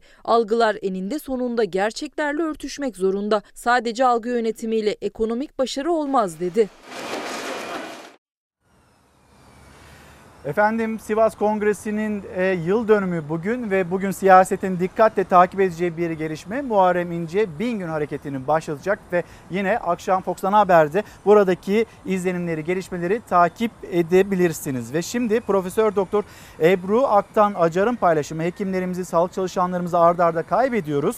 Eğitimde durum belirsiz, akademi endişeli, uzaktan, hibrit, yüzde ne olacağını bilmiyor akademi dünyası. Ebeveynler, çalışan anneler herkes korku içinde bekliyor. Ekonomik şartlar, fırsat eşitsizliği ve daha niceleri pek çok endişeyi ard arda sıralamakta Ebru Aktan Acar ve diyor ki Çanakkale'de 50 bin üniversite öğrencisi var. Esnaf açılsın istiyor ama bir yandan da herkes bunu fark etmek zorunda. Ortada bir virüs var. Evet bir yandan yani iki ucu keskin bir bıçaktan bahsediyoruz. Yani esnaf ne kadar sıkıntı içinde olduğunu biliyoruz ama diğer tarafıyla virüsün de ne kadar yayıldığını görüyoruz. Şimdi İstanbul'a götüreceğiz tekrar sizleri. Mağduriyet yaşayan Mimar Sinan Çarşısı, çarşısı esnafı. işte çocuğu. Lütfen dışarı çıkın. Ben gidene kadar dışarı çıkın. Baskı yapmayın bu kadar İstanbul'a. İnsan olmaktan utanıyorum. Biz bunları hak etmedik. Yani bu muameleyle gitmek istemedik. Biz zaten toparlandık gideceğiz ama bize bu zulmü niye yaptılar? Ben utandım yani. İnsan olduğumdan utandım. Bunu hak etmedim ben. Yıllarını, emeklerini verdikleri ekmek teknelerine gözyaşlarıyla veda ettiler. Mimar Sinan'ın eseri olan Tarihi Çarşı, Vakıflar Genel Müdürlüğü'ne devredilince yarım asır sonra iş anını tahliye etmeleri istendi. Salgın döneminde zaten işi duran esnaf süre istedi ama seslerini duyuramadılar. Dükkanlarının kapısına kilit vuruldu. Hemen solundaki dükkan bir gelinlikçiydi. Onun hemen yanında bir ayakkabıcı vardı. Burada da bir çantacı. Şimdi bu dükkanlar bomboş. Esnaf taşınacak yeni bir iş yeri bile bulamadan dükkanlarını boşaltmak zorunda kaldı. Yeni bir yer bulabildiniz mi peki? Hiçbir yer yok. Hiç kimse de bir yer bulamadı. Zaten esnaf zor durumdaydı. Bütün arkadaşlarımızın 35-40 yıllık emekleri gitti. İstanbul Üsküdar'da özel mülk olan çarşı Vakıflar Genel Müdürlüğü'ne devredildikten sonra esnafın da zor günleri başladı. 11 Şubat'ta ilk tahliye emri geldi esnafa. Mahkemeye gidip yürütmeyi durdurma kararı aldırdılar. Ama karar salgın döneminde kaldırıldı ve esnafa işgalci olduklarına dair yeni bir tebligat gönderildi. kamulaştırıldı. Bizi işgalci olarak gördüler. Hiçbir yetkili, hiçbir kurum bize muhatap olmadı. Bize bir haber vermedi. Kolay mı? Yani yir- 30 yıldır, 30 küsür yıldır ben buradayım. Kolay değil tabii. Bu böyle olmamalı. Bir sene zaman istedik. Vermediler. Ee, buranın hızlı bir şekilde meydan projesi olacağını söylediler. Çaresiz kalan esnaf dükkanını boşaltmaya başladı ama süre kısıtlıydı. Kaymakamlığın emriyle belediye personeli sabahın ilk saatlerinde kapıya dayandı. Tahliye işlemini başlattı. Üsküdar'daki tarihi Mimar Sinan Çarşısı şu anda Üsküdar Belediyesi personeli tarafından tahliye ediliyor. Esnaf zaten kendi dükkanını boşaltmıştı ama kalan son dükkanlarda şu anda içindeki eşyalar boşaltılarak tahliye edilecek. 40 yıllık iş yerleri sadece birkaç saat içinde kamyonlara dolduruldu. Mimar Sinan Çarşısı sessizliğe büründü. Esnaf sadece nereye gideceğini değil, Vakıflar Genel Müdürlüğü'ne devredildikten sonra katlanan kiraların borcunu nasıl ödeyeceğini de kara kara düşünüyor. Normal emsal bedelde kira ödüyorduk. Geldiler, vakıf kamulaştırdı geldi. Bize 3 katı 5 katı kira bedeli biçerek işgalci olarak devam etmemizi söylediler. 3 ay çarşımız kapalı kaldı. Pandemi dönemindeki kirayı dahi istiyorlar. Borçlar içinde böyle bir süreçte kapı dışı edilmiş görüntüsü esnaf orada gözyaşları içinde. Uygun bir yöntemi yok muydu bunun acaba? Yine bu soruyu da onlar adına sormuş oldum. Kimseyi işte böyle zor günler içinde gözyaşları içinde görmek istemiyor insan. Ve esnafımızdan bahsederken bir de çiftçimizden söz edelim. Üzüm üreticisinin yaşadığı sıkıntı. Bak şu üzümün güzelliğine bak. Ama para etmiyor. Hakkımız da biz onlar kazanamayınca biz de kazanamıyoruz. Bu kadar yani. Maalesef üzümümüz gerçek değerinden satılmayınca en sonunda bu kamyon kasasında gördüğümüz durumla karşı karşıya kalıyoruz. Çiftçilerimiz bu yüksek girdiler karşısında ilim ilim inliyor. Elektrik ayrı bir fatura, gübresi, mazotu, ilacı ayrı bir dert. Onun için çiftçilerimizin feryadını duyalım istiyorum. Hatay'ın her noktasında, her ilçesinde çiftçilerimiz feryat ediyor. Buradan Hatay'ın bir vekili sıfatıyla söylüyorum. Yeter artık diyorum. Çiftçinin feryadını duyun. Yetkili, etkili kişiler bu feryadı duyun, gereğini yapın. Bugün çiftçilerimiz Cenab-ı Allah güzel bir iklim vermiş, bize bereketli topraklar vermiş. Çiftçilerimiz de alın teriyle bu ürünleri yetiştiriyorlar. Fakat hak ettiği gerçek değerde satamıyor. Tarlada 1 lira, markette 4 lira. Bunu aradaki 3 lira kimin cebine giriyorsa bunun hesabını sorulmasını istiyoruz. Çiftçinin alın terinin, emeğinin karşılığı eder bir fiyat sağlanmasını istiyoruz. Halbuki bizim talebimiz bugünkü mevcut yöneticiler. Bugün bunu siz yapmazsanız yarın bizler iktidarımızda çiftçimizin ürettiği bütün mahsulü endüstriye dönüştürerek onları daha kıymetli eder derecesini yüksek tutan fiyatlarla satılmasını sağlayacağız diyorum. Gelin bugün imkanları elinde varken iktidar gereğini yapsın, çiftçimizin feryadını duysun istiyorum. Efendim Disney yeni sezonda beyaz perdede iddialı yapımlarla yine çok ses getirecek. Kuzeyde İpek yolu üzerindeki garnizonlarımızın altısı eşgüdümlü saldırılarda düştü. Liderleri yanında bir cadıyla savaşıyor. Eskiden dünya mucizelerle doluydu. Maceralıydı. Kaçmamız gerekti. Disney yeni sezona 3 iddialı filmle başlıyor. İlk vizyona girdi. Mulan seyircisine korkusuz bir genç kadının iyi bir savaşçıya dönüştüğü hikayesini anlatıyor. Benim görevim krallık için savaşıp imparatoru korumaktır. Disney Eylül ayında da beyaz perdeye damgasını vuracak. İlki Mulan. Vizyondaki yerini alan filmde genç bir kadın onurlu bir savaşçı olan hasta babasının yerine geçiyor. Ailesine ve ülkesine olan sevgisi uğruna Çin'in gördüğü en büyük savaşçılardan biri olmak için her şeyini riske atıyor. Onun destansı hikayesi izleyenlere heyecan dolu anlar yaşatacak. Fırlat!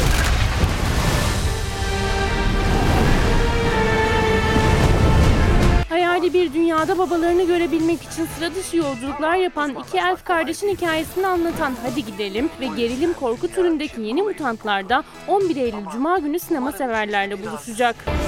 Burası hastane değil, burası kafes. Bir şey gördüm. Garip bir görüntü. Tavandan anne düştü.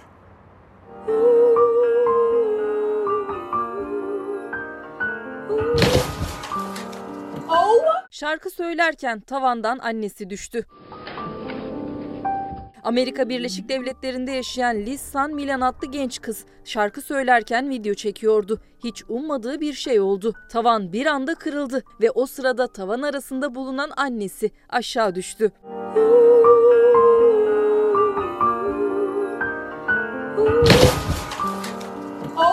Genç kızın yaşadığı şok da yansıdı görüntülere. Görüntü kısa sürede en fazla paylaşılan videolardan biri haline geldi. İhale sonradan yapıldı. İşte devlet modeli miydi? 50 kişi araya giriyor. İsmi bekliyor muydunuz? Numan Bey, kısa bir sorumuz olacak. İddialar var. Doğru mudur efendim? Sayıştay raporları ile ilgili bir sorumuz olacaktı. SGK Havasına, suyuna, taşına, toprağına. Barış Kaya Fox TV birkaç tane şehit ifadenize muhalefet tepki gösteriyor efendim. Fox önce gazete olsun. Erken genel seçim değil mi efendim? Yanlış anlamadım. Siz Fox olarak hiçbir şeyi doğru anlamıyorsunuz. Sizin sorunuza da cevap vermek istemiyorum.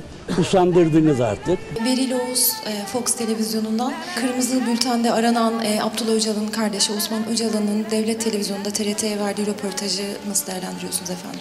Doğrusu ben Osman Öcalan'ın kırmızı bültenle arandığını bilmiyorum.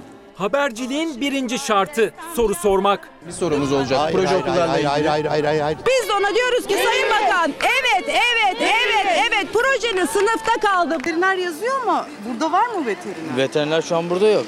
El sıkışıyorsunuz. El sıkışmak yasak aslında.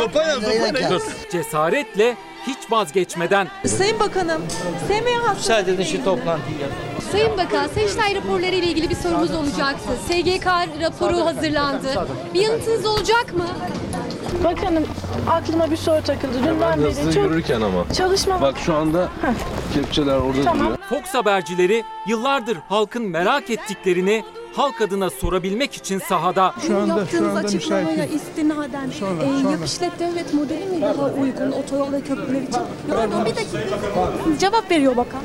Numan Bey, kısa bir sorumuz olacak. Kendisi şu anda Beyefendi ne yapıyorsunuz? Ne yapıyorsunuz? Ne yapıyorsunuz?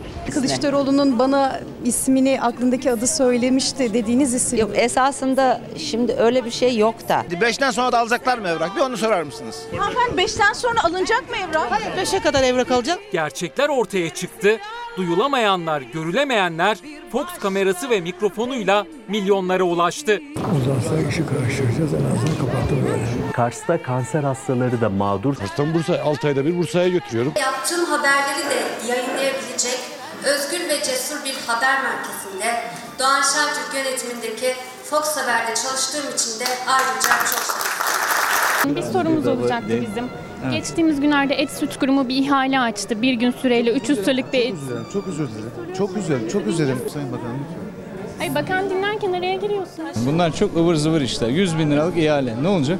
Ama ihale sonradan yapıldı diyor. Sonradan yapılsa ne olur? Bu sizin yaptığınız gazetecilik değil maskaralıktır. Fox Haber deneyimli, cesur, vicdanlı, bağımsız kadrosuyla ve Türk halkından aldığı güçle perdeleri açmaya devam ediyor. En büyük ödülün gerçeklerin ortaya çıkması olduğunu bilerek, ilkelerinden hiç vazgeçmeyerek. Onu terör örgütü olarak da görmüyorsunuz. Şimdi bu klişe soruları bence Evet. bir tarafa bırakalım. Siz bunu okuduğunuzda doğrudur dediniz mi? Evet. Yani Erdoğan şunu çağırmıştır, bununla görüşmüştür. Yok yani özel bir tahminde bulunmak istemiyorum ama doğrudur yani. Ben Selçuk Tepeli. Fox Ana Haber'de haberin kalbindeyiz. Hafta içi her akşam 19'da Fox Ana Haber'de beraberiz. Buradayız. Vicdanınızın sesiyiz. Aklınızdakileri soruyoruz. Her söylenene inanmıyoruz. Acaba diyoruz, sorguluyoruz. Kimseden korkmuyoruz, kimseden çekinmiyoruz, saklamıyoruz. Haberciyiz, işimizi yapıyoruz.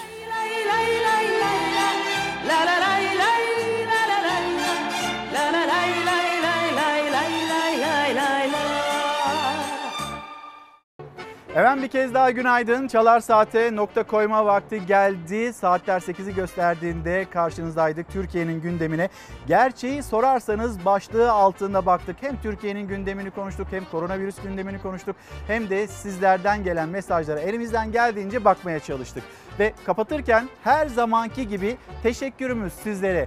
Bizi izlediğiniz için çok teşekkür ederiz. Güzel bir gün dileriz ve güzel bir hafta sonu. Sağlıklı bir hafta sonu. Hoşçakalın, mutlu kalın.